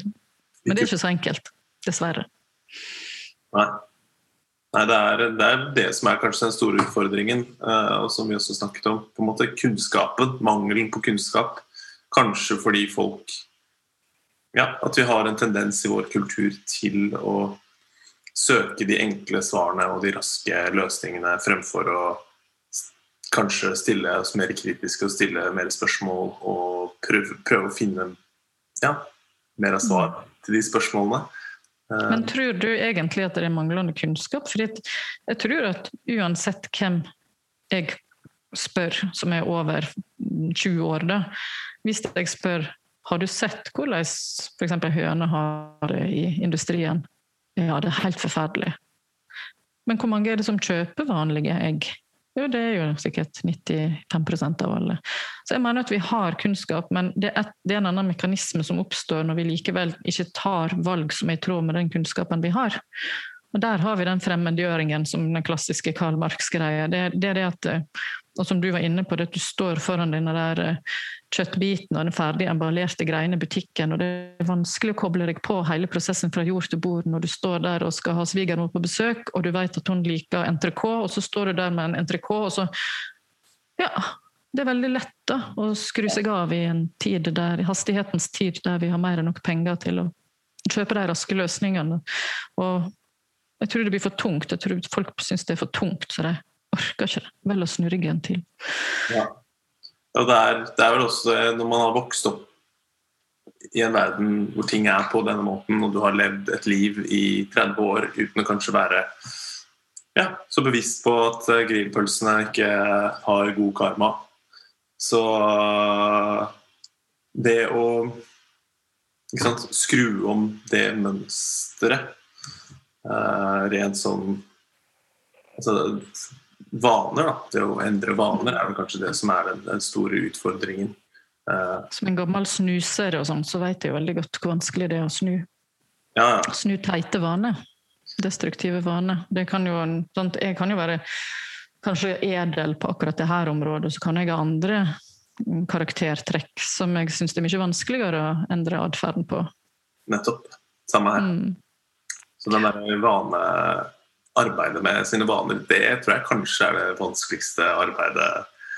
Eh, for de ligger jo liksom ligger jo skrevet i deg. Ja, det ser jeg også med alle de kundene eller alle kurs jeg har holdt med eh, fermentering og det her kostholdet, helheten av det kostholdet. At det er jo egentlig det her change of mindset som, som gjør at det er krevende å begynne å lage den maten. Begynne med surdeigsbakst, f.eks. Det er den der prosessen med å endre tankesett, få nye synapser oppi hjernen din. Sånn at, sånn at, du innser at det tar faktisk kanskje kortere tid i, hvis du, i samla tid. Det er bare at vi må gjøre det på en strukturere det på en bitte liten grann annerledes måte. Mm. Jeg har lyst til å um, snakke litt om noe du nevnte helt i starten, som jeg mm. skrev ned, og som er bare sånn åh, oh, der har vi et uh, kaninhull. uh, som jeg syns er veldig interessant å utforske. Uh, du nevnte noe med mørket og det å ja, gå inn i mørke plasser, kanskje i seg selv, for å vokse, for å finne ut av mer om hvem man er. Du nevnte jo også det for å At, for, at vi er, kanskje har en, et ansvar. Kanskje ikke et ansvar, kanskje det er bare det ordet jeg bruker nå. Men til å finne oss selv, på en måte. For å, for å kunne ha en egen mening og kunne ja, være en, en ressurs. Um, har du lyst til å utdype litt mer om hva du tenkte du sa det? Ja. Så jeg tenkte noe helt annet når jeg snakket om det, men nå når du snakker nå, så tenker jeg kom det plutselig Dattera mi hadde bursdag den 8. mars på kvinnedagen. Og så hadde vi da besøk av en eh, kompis av sønnen min. Ja. Og vi satt og åt middag, da. Eh, I lag Og av en eller annen grunn så Jeg har ofte sagt at jeg har fire unger, men jeg tror at når de er alle 25 år på ulike tidspunkt i livet, eller når de er voksne, da, så vil de ha ulike historiefortellinger om hvem de hadde som mor. Mm. Selv om jeg opplever at jeg er samme menneske og oppdratt dem i samme hus og med samme mann og samme verdisystem, det har ikke endret seg så masse, så vil de ha ulike, fire ulike historier av hvem jeg er som menneske. For vi lever alle i vår virkelighet, og alt blir påvirka av det. Ingeborg Senneset mener at jeg har tjent meg søkkrik på kombucha på, og på syke mennesker. Så er det jo helt sant ut ifra hennes virkelighet, så er det helt sant at jeg er slik. Når jeg da vet at jeg har tjent kanskje 50 000 på kombucha-produksjon, og min kombucha-selger enda ikke kan leve av det, så faller jo hele argumentet i grus. Og de som er alvorlig syke, de har kanskje ikke råd til å kjøpe den kombuchaen, for den er for dyr, så det er jo bare tull. Igjen så er det kanskje helst disse ressurssterke damene som går på kafé som har råd til å kjøpe den kombuchaen, og de er ikke så syke. Nei. men tilbake igjen til, til den historiefortellinga, så Jeg aner ikke hvordan vi kom inn på det, men vi kom inn på barndomstraume ja. Jo, jeg tror det var dattera mi som snakka om at det går en sånn, her, det er en sånn video som går viral på, på TikTok nå, der unge forteller at uh, altså, like her, eller trykk her, hvis du òg har opplevd å vært redd fordi foreldrene dine har drukket for masse nå etter covid-19. For det er jo, Vi holder jo på å drikke oss i hjel. Det eneste som åpner, er legekontoret og polet. Det er jo helt latterlig. sant? Matbutikk og polet, ikke treningssenter må stenge ned, men polet kan vi gå og drukne i. Ja. Så det er jo helt latterlig samfunns...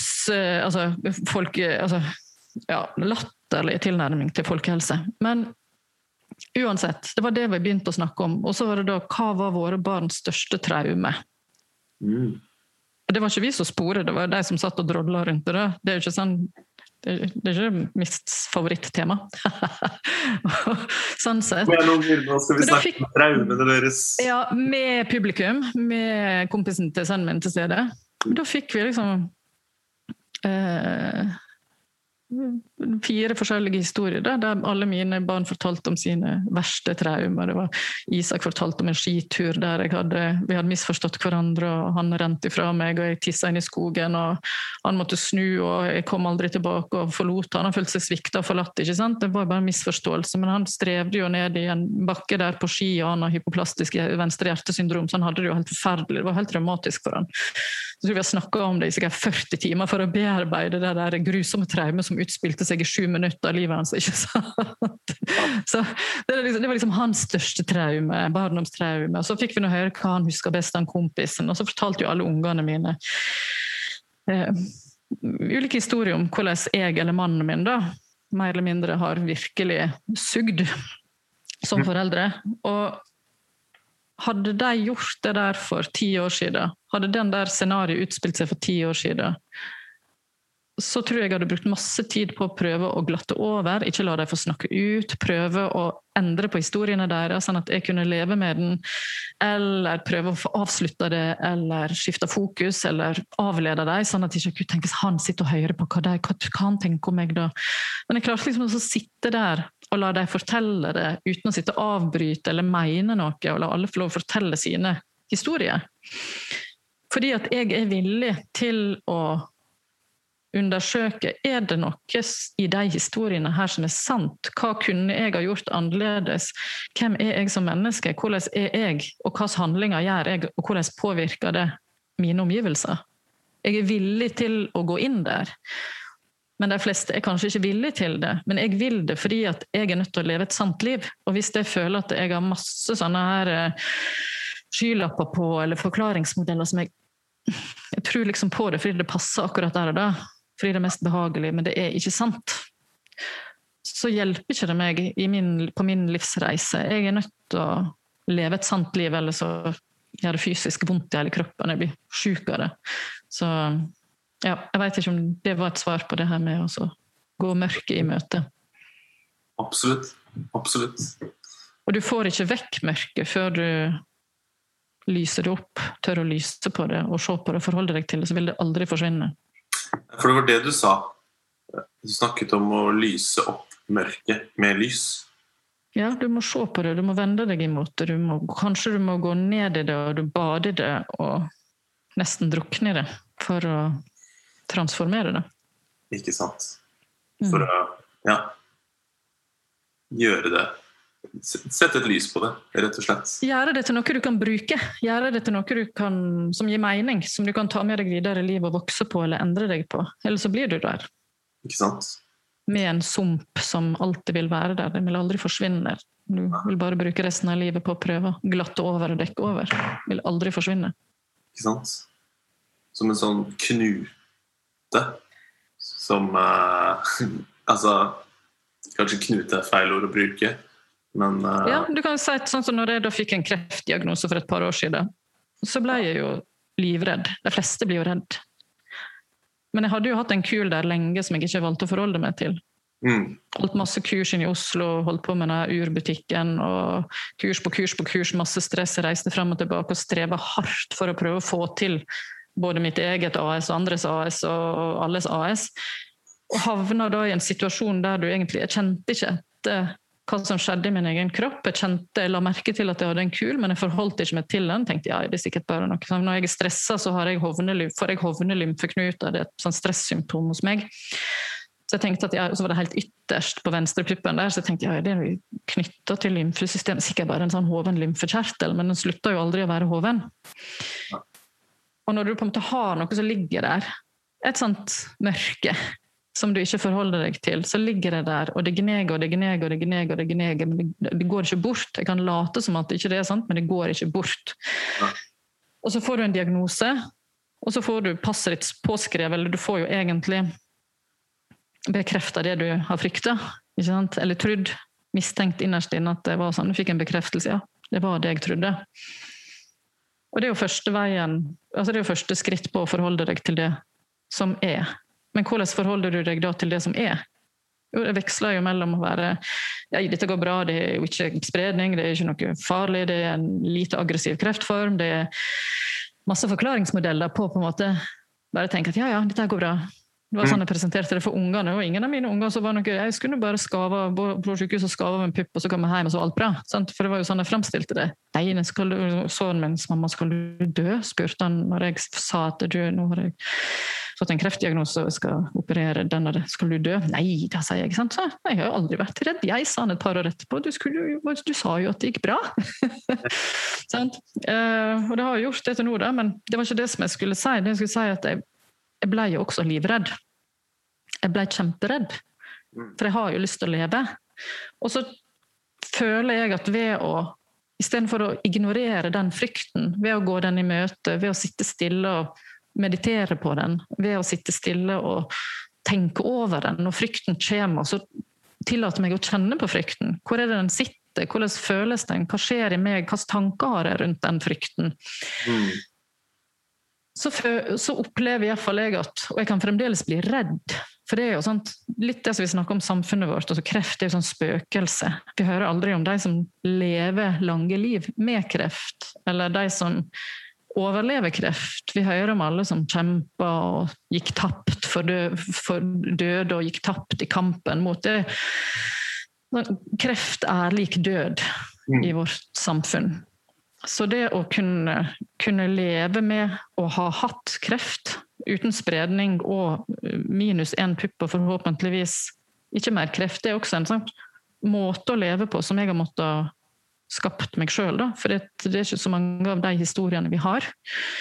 Uh, og det å møte den frykten og ende opp med å sitte og kjenne Jeg er jo redd for å dø, men jeg er sånn grunnleggende takknemlig for å få lov å leve og husker liksom hver vår for jeg har sånn bilde av at Jeg husker at jeg satt i drivhuset da rett før jeg skulle operere meg. Tenk hvis jeg ikke lever neste vår. Og Det mm. ble et sånn bilde for meg. Det kan hende. Det er jo noen som får kreft, og så bare poff, så er de vekk. liksom. På to måneder så Oi, hva skjedde, liksom? Så er de vekk. Så for meg sånn, hver, Nå er det vår igjen. ikke sant? Og får sånn vårting. Herregud, jeg lever jo! Det er helt fantastisk Og for lov å sånn leve i lys av døden. Det er egentlig en gave å få lov å gjøre.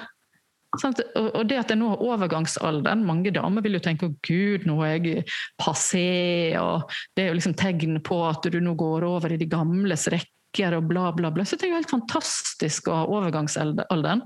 Jeg lever, og jeg får lov å oppleve det. Mm. Det, er jo, det er jo en gave å få lov å gå gjennom og få lov å ha overgangsalderen. Det er jo en gave å få lov å se at fjeset mitt blir rynkete og begynner å få hengekjaker og Hva hun kalte det for hun her eh, komikerdama? Anusmunn og begynner å få sånn stripe rundt. Og så er det jo en gave! Hva er det vi strever imot, liksom? Vi skal jo alle dø. Og så er vi så heldige at vi får lov å leve og oppleve en dag til og en vår til. Mm. I morgen, morgen kan du bli påkjørt, liksom. Hallo?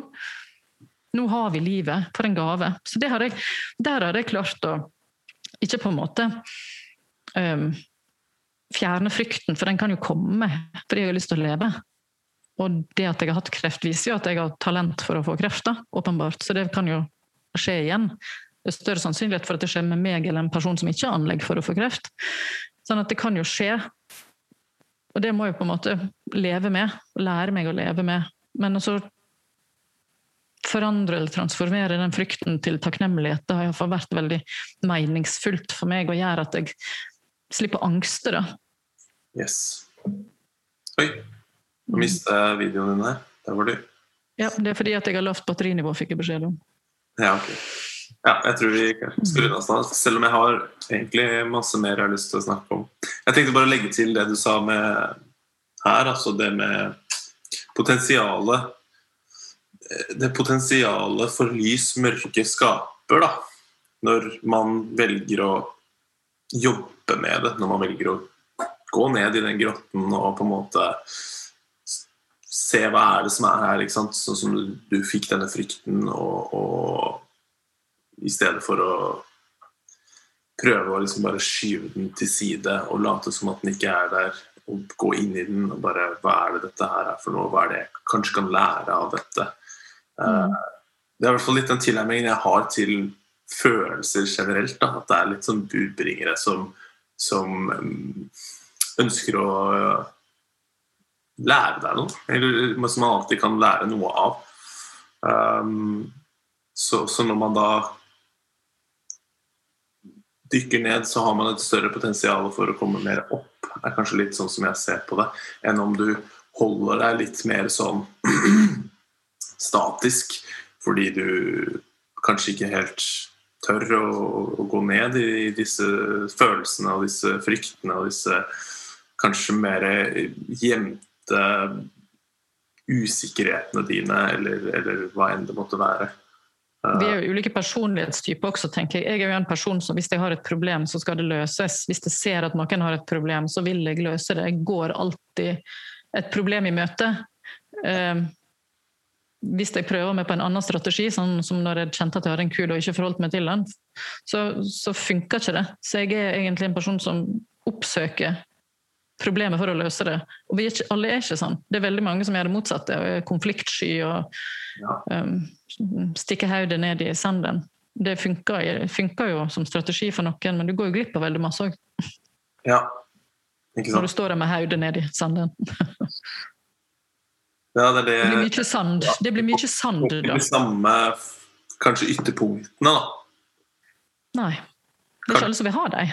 Det er ikke alle som vil ha dem, absolutt. Og det er forståelig òg. Herregud. Jeg eh, Ja. Nei, det er eh, Jeg tror jeg er en krevende samlivspartner ved å være en sånn type. Mer enn en person som bare Ja, jeg tror jeg er en krevende menneske å være venn til å være Å ha som mamma, faktisk. Men på andre siden så vil du så vil du, så er, altså alt det er jo en styrke òg, på en måte. På veldig mange. Ja, altså, når folk kommer på besøk til oss, observerer oss som familie, så er dere er så åpne, og det er liksom rom for å snakke om alt. og Det kan jo være høy temperatur og mange forskjellige meninger. og Andre kan jo synes det er ubehagelig å kjenne på den høye pulsen i store meningsutvekslinger, men alle får nå lov å ha en mening, iallfall. Og, og det er viktig for meg at vi tør å ha meninger, og at jeg får barn som har meninger. At ikke vi går rundt om og lever meningsløse liv og mener det samme som alle andre, og vedlikeholder idiotiske strukturer og system som jeg vil til livs. Så det er krevende å skru seg på og være bevisst, men jeg kunne ikke ha gjort noe annet. Nei. Du ehm, Jeg lurer på om vi skal runde av der. Mm. Det er greit, det. En fin, en fin, jeg følte det var en veldig fin uh, fin eh, Closure. En fin closure, rett og slett. Jeg kunne gått eh, Jeg hadde enda litt Vet du hva? Jeg har, jeg har, litt lyst til å bare snakke kort om dette, siden det er på hodet mitt. Uh, mm. Dette med litt, Spole litt tilbake til dyr. Mm. Og ideen om å drepe noe for å spise det. Som er kanskje også en idé som jeg har lyst til å utfordre litt. Uh, som jeg har uh, i hvert fall også endret mine synspunkter på etter å forstå meg mer på, på økologi. Og forstå meg mer på kanskje også dette med planter, etter mine egne opplevelser med å bli kjent med, med planter. Uh, hvordan, hvordan um, i mine øyne at alt, alt er liv. Alt lever. Eh, og et grunnprinsipp i naturen er at ja, alt ønsker å leve. Mm. Og alt er nødt til å spise noe annet for å kunne leve. Mm. Og, men hvordan vi har på en måte puttet ting kanskje i et hierarki hvor noe fortjener å leve mer enn noe annet. Uh, mm. At dyr fortjener å leve mer enn planter. Uh, hva er dine tanker om, om, om det? Ja, altså vi er jo alle, Av alle arter så er jo vi skapt for å ønske å, å bestå. Mm. Og som mennesker så så har jo vi blitt fortalt av både Bibelen og alle slags skrifter at vi er hevet over naturen og skal, skal, bestemme over den og sjefe over den. Jeg mener, mener at det, der har vi tolka det feil. Jeg tror heller ikke at det var det som var forsøkt å bli formidla, men vi har fått store hjerner som gjør at vi skal forvalte naturen, fordi vi klarer å reflektere over handlingene våre og de valgene vi gjør. Og som gjør at hvordan vi har det og vår overlevelsesevne er, henger sammen med vår evne til å reflektere og foreta oss valg og justeringer underveis. Og, um, når jeg valgte å begynne å inkludere kjøtt igjen i vårt kosthold, så uh, måtte jeg ha prata mye med med alle de kjøttstykkene som ligger nede i fryseren, for å si det sånn. Jeg har snakka med dem, og jeg har snakka med uh, Takka for veldig mange måltider jeg har spist når jeg har sittet og spist dem, i meg sjøl. Ikke gjort noe nummer av det til mann og barn, for jeg er ikke helt der, sånn, sånn som jeg er. Men um, for meg handler det om å vise respekt for de dyra, og takke for den maten jeg får lov å ete, og takke for de livet de har levd. Og ja, vise takknemlighet, og være bevisst på det.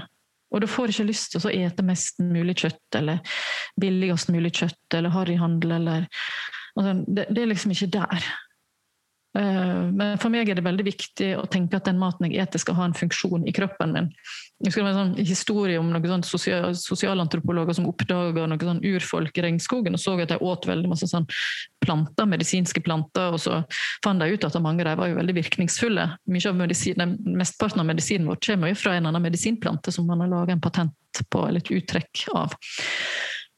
Så da reiste de ned igjen da, til denne stammen, og det var masse forskere som var med og for rundt om. hjørnet. måtte de få artene og skrive dem opp og ta bilder av dem og hvordan de så ut. Men, og de bare, da urfolk gikk rundt der, og, og det var en medisinmann som gikk rundt der og bare Hva i all verden er det dere holder på med, sier han. Altså, den planten her virker ikke uten at du snakker med den planten og forteller hva den skal gjøre for deg og være for deg. Mm. Um, og igjen, det er den her kontakten du skal ha med naturen. Og jeg har hatt veldig mange sånne sterke og nære møter med både et måltid jeg har spist, enten det har vært animalsk eller vegetabilsk, med en sånn tilnærming til maten. Og ære og nære både maten og meg sjøl, og hvor den kommer ifra, og reisen ifra jord til bord. Um, og for meg er det en meningsfull måte å ete på og leve på, men jeg skjønner at det er kanskje litt drøyt flummig for mange, men det er den eneste måten som gir mening for meg. Ja, jeg tror det er veldig sunt å ja, vise takknemlighet for uh, generelt, men også på en måte for, for maten man spiser, da, ettersom det er noe som har vært levende, som har vært nødt til å ofre sitt liv mm. for at du skal kunne, kunne fortsette å leve. Um, ja. Og det er den ideen der som på en måte ja, vi kanskje trenger å koble oss mer på, tror jeg for å få installert dette mer regenerative mønsteret. Ja, og for meg gjelder det alt. Sant? Når jeg går på tur i skogen, og så det er jo masse maur i, spesielle perioder på året i skogen. Jeg syns det er så krevende å gå på tur på stien. For jeg vet at jeg tråkker i stykket eller skader sikkert altså, titusenvis av maur. Selv om jeg prøver å hoppe og sprette rundt som en sånn her Så jeg Ser sikkert kjemperar ut når jeg går på tur i skogen. Jeg snakket en gang med en sånn eh, veganervenninne som jeg som jeg er god venn med, hun Veganmisjonen. Mm. Og hun sier nei, jeg sykler da rundt i skogen, og det tenker jeg ikke på engang, sier hun. ikke sant? Så det er mange fasetter ved det. og Hun er jo hardcore vegan igjen. ikke sant? Så det er så mange fasetter ved det, men for meg så er det liksom, det er alt det. Det er mauren, og det er flua, og det er det eneste jeg har et litt sånn her eh, veldig pragmatisk forhold til, det er klegg. Hvis det setter seg en klegg på meg, så slår jeg uten å synes synd på han etterpå. For det blir litt sånn øye for øye, tann for tann-problematikk. Mm. Eller om en kveps liksom setter seg på meg og ser at han skal stikke meg. Uh, og mygga. Mygga har ikke en sånn veldig stor Det har også et pragmatisk forhold til. Men dypest sett så har jeg også respekt for deg, hvis du skjønner. Mm. Self-defense. Mm. Ja. ja. Mm. Så det Jeg syns det Ja. Det er veldig eh, sånn veldig sterk eh, femininitet i det du tror jeg har en litt mer eh, kanskje maskulin holdning til, til akkurat litt mer sånn Hva skal man si? Mannlige munker som går og koster veien foran seg da, foran disse her ja. Eh, templene sine, så ikke skal tråkke på noe. Sånn. Ahimsa til ytterste konsekvens. Og Det er sånn begrep i yoga. Ahimsa det er ikke vold. Og Det er den jeg har jobba mye med og reflektert mye rundt og meditert mye på for å klare å stå for å ete kjøtt i dag. fordi at um, det var en sånn yogi som sa det at hvis det kommer en innbruddstyv inn i ditt hus og prøver å forvolde et av barna dine, og du dreper vedkommende for å beskytte barna ditt, så er det en handling av ahimsa. Det er en ikke-voldelig handling når du prøver å forsvare noen som du er glad i, for at de blir utsatt for vold. Mm. Så er det en ikke-voldshandling, hvis du reflekterer filosofisk over begrepet. Og hvis jeg skal frarøve mine barn muligheten til å være frisk, kanskje jeg allerede Kanskje det at jeg fikk sju altså ikke sju barn, jeg fikk fire barn på sju år, eh, og jeg hadde vegetarpupp og vegetarkropp på de tre første. Bare det å få så mange barn på så kort tid, det er ikke smart. Eh, altså, alle urfolk har oftest en tre-fire år mellom hver unge, sånn at kroppen får komme seg, du får bygd opp næringsstatusen før du på nytt skal føde. Ehm, det tror jeg ikke er så lurt hvis du skal bygge friske barn, og heller ikke gjøre det på et kosthold der du sjøl ikke har den næringa du trenger. Ehm, og når jeg så at alle mine barn fikk mer robust helse, og fikk det bedre, og fikk mer stabilt blodsukker, og ble roligere og sov bedre om natta, så ble det for meg det å innføre kjøtt i kostholdet ble en handling av ahimsa. Hvis du skjønner? Yes. Fordi at ideologi kan være både ideologi, ideologi kan også være veldig skadelig. I ytterste konsekvens. Uten tvil. Det Ja. Helt enig. Og ja Nei, ikke-voldelig handling er eh, helt med på den. Som en også Altså, jeg skal trekke tilbake dette med mer maskulint, fordi jeg driver jo med kampsport, og der er det jo også en veldig sånn det er en veldig maskulin greie, men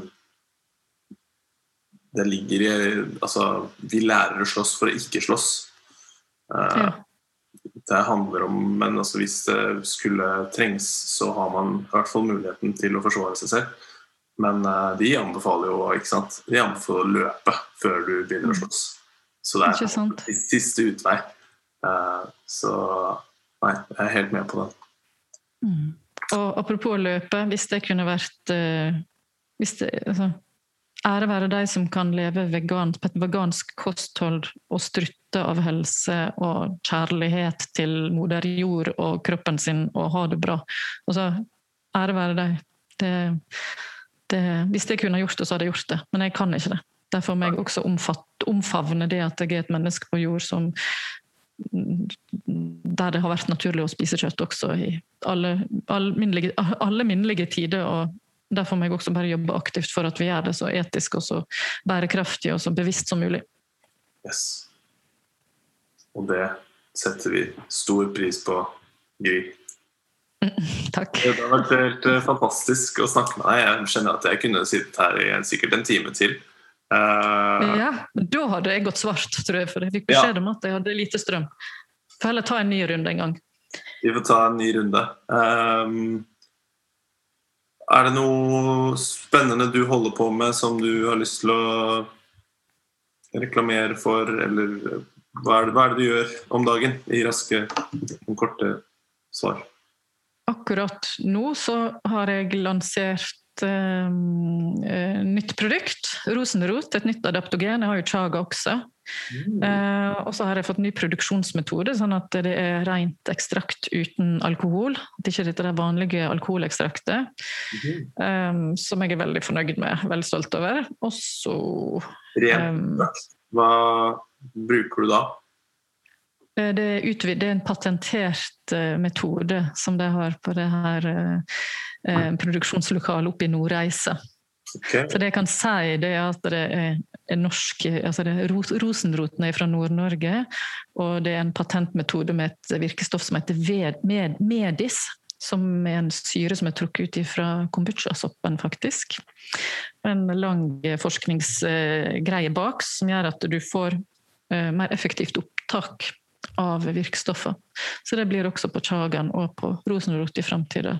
Så det er veldig kjekt. Veldig spennende. Så det er adaptogen som jeg er veldig glad i og kjenner jeg godt for. For meg og min kropp.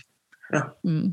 Så det er det nye. Eller så skal jeg og Fedan Lindberg ha et tre ukers kurs nå i tarm og helse og hvordan det henger sammen ute i april. Det gleder jeg meg veldig til. Så holder jeg på å rebrande boka mi, 'Den moderne jeger'. Ja. Den skal hete 'Fra jord til bord'. Og jeg har redigert den, og vi endrer look og strammer den inn, sånn at forhåpentligvis flere orker å ta inn over seg helheten av det jeg ønsker å formidle. For det det som ofte blir for tungt for folk. Så da har min dyktige redaktør eh, hjulpet meg på veien til å gjøre det så, så oversiktlig at folk orker å ta det inn over seg. og prøve å gjøre en forskjell. For det er den viktigste boka jeg har skrevet, og den boka som jeg vet har gjort mest forskjell for folk av de jeg har skrevet, men eh, dessverre så er den for tung for folk flest. Mm. Og så er den litt feilkommunisert. ikke sant? Det var Den moderne jeger, hva er det folk går i butikken eller på bokhandelen, så står det, er det en kjøttbok, og så ser jeg damer som står med masse shoppingbager, for det var også et sånn bilde som ikke skulle være på coveret, men eh, fordi at uh, bokhandlerkjeden ikke ville ha at det sto der med et fenalår og en hane, det var for grovt og rått for dem, syns de. Så det ble en sånn feilkommunisert bok på cover og alt. Så skal vi, vi, skal gi den en ny vår, eller vil si den kommer til høsten, da, så vi skal gi den en ny høst. Kult. Mm. Kult. Masse sånt jeg holder på med. Den Moderne jegerfilosofien. Ja, men den blir iallfall tilbake til Fra jord til bord, som, var, som, jo er navnet på bloggen min og har vært navnet på bloggen min i mange år. Og kanskje flere vil ta inn over seg eh, det. For det er jo masse, masse vegetarmat der også. Og mye av den filosofien som vi har snakka om også, den helhetstankegangen som både en kjøtteter og en vegetarianer og en veganer kan ta inn over seg, da, og være enige om, faktisk. Så man velger sjøl hvilke oppskrifter man vektlegger, om det er de som har mest vilt og bærekraftig kjøtt i seg, eller om det er alle oppskriftene med grønnsaker og frukt og bær og bønner og sånt. Korn. Mm. Ok. Sjekk ut folkens. Så sier jeg takk for nå, Gry. Jo, bare hyggelig. Takk for at du ville ha meg, Trym. Smør Jesus. Signing off.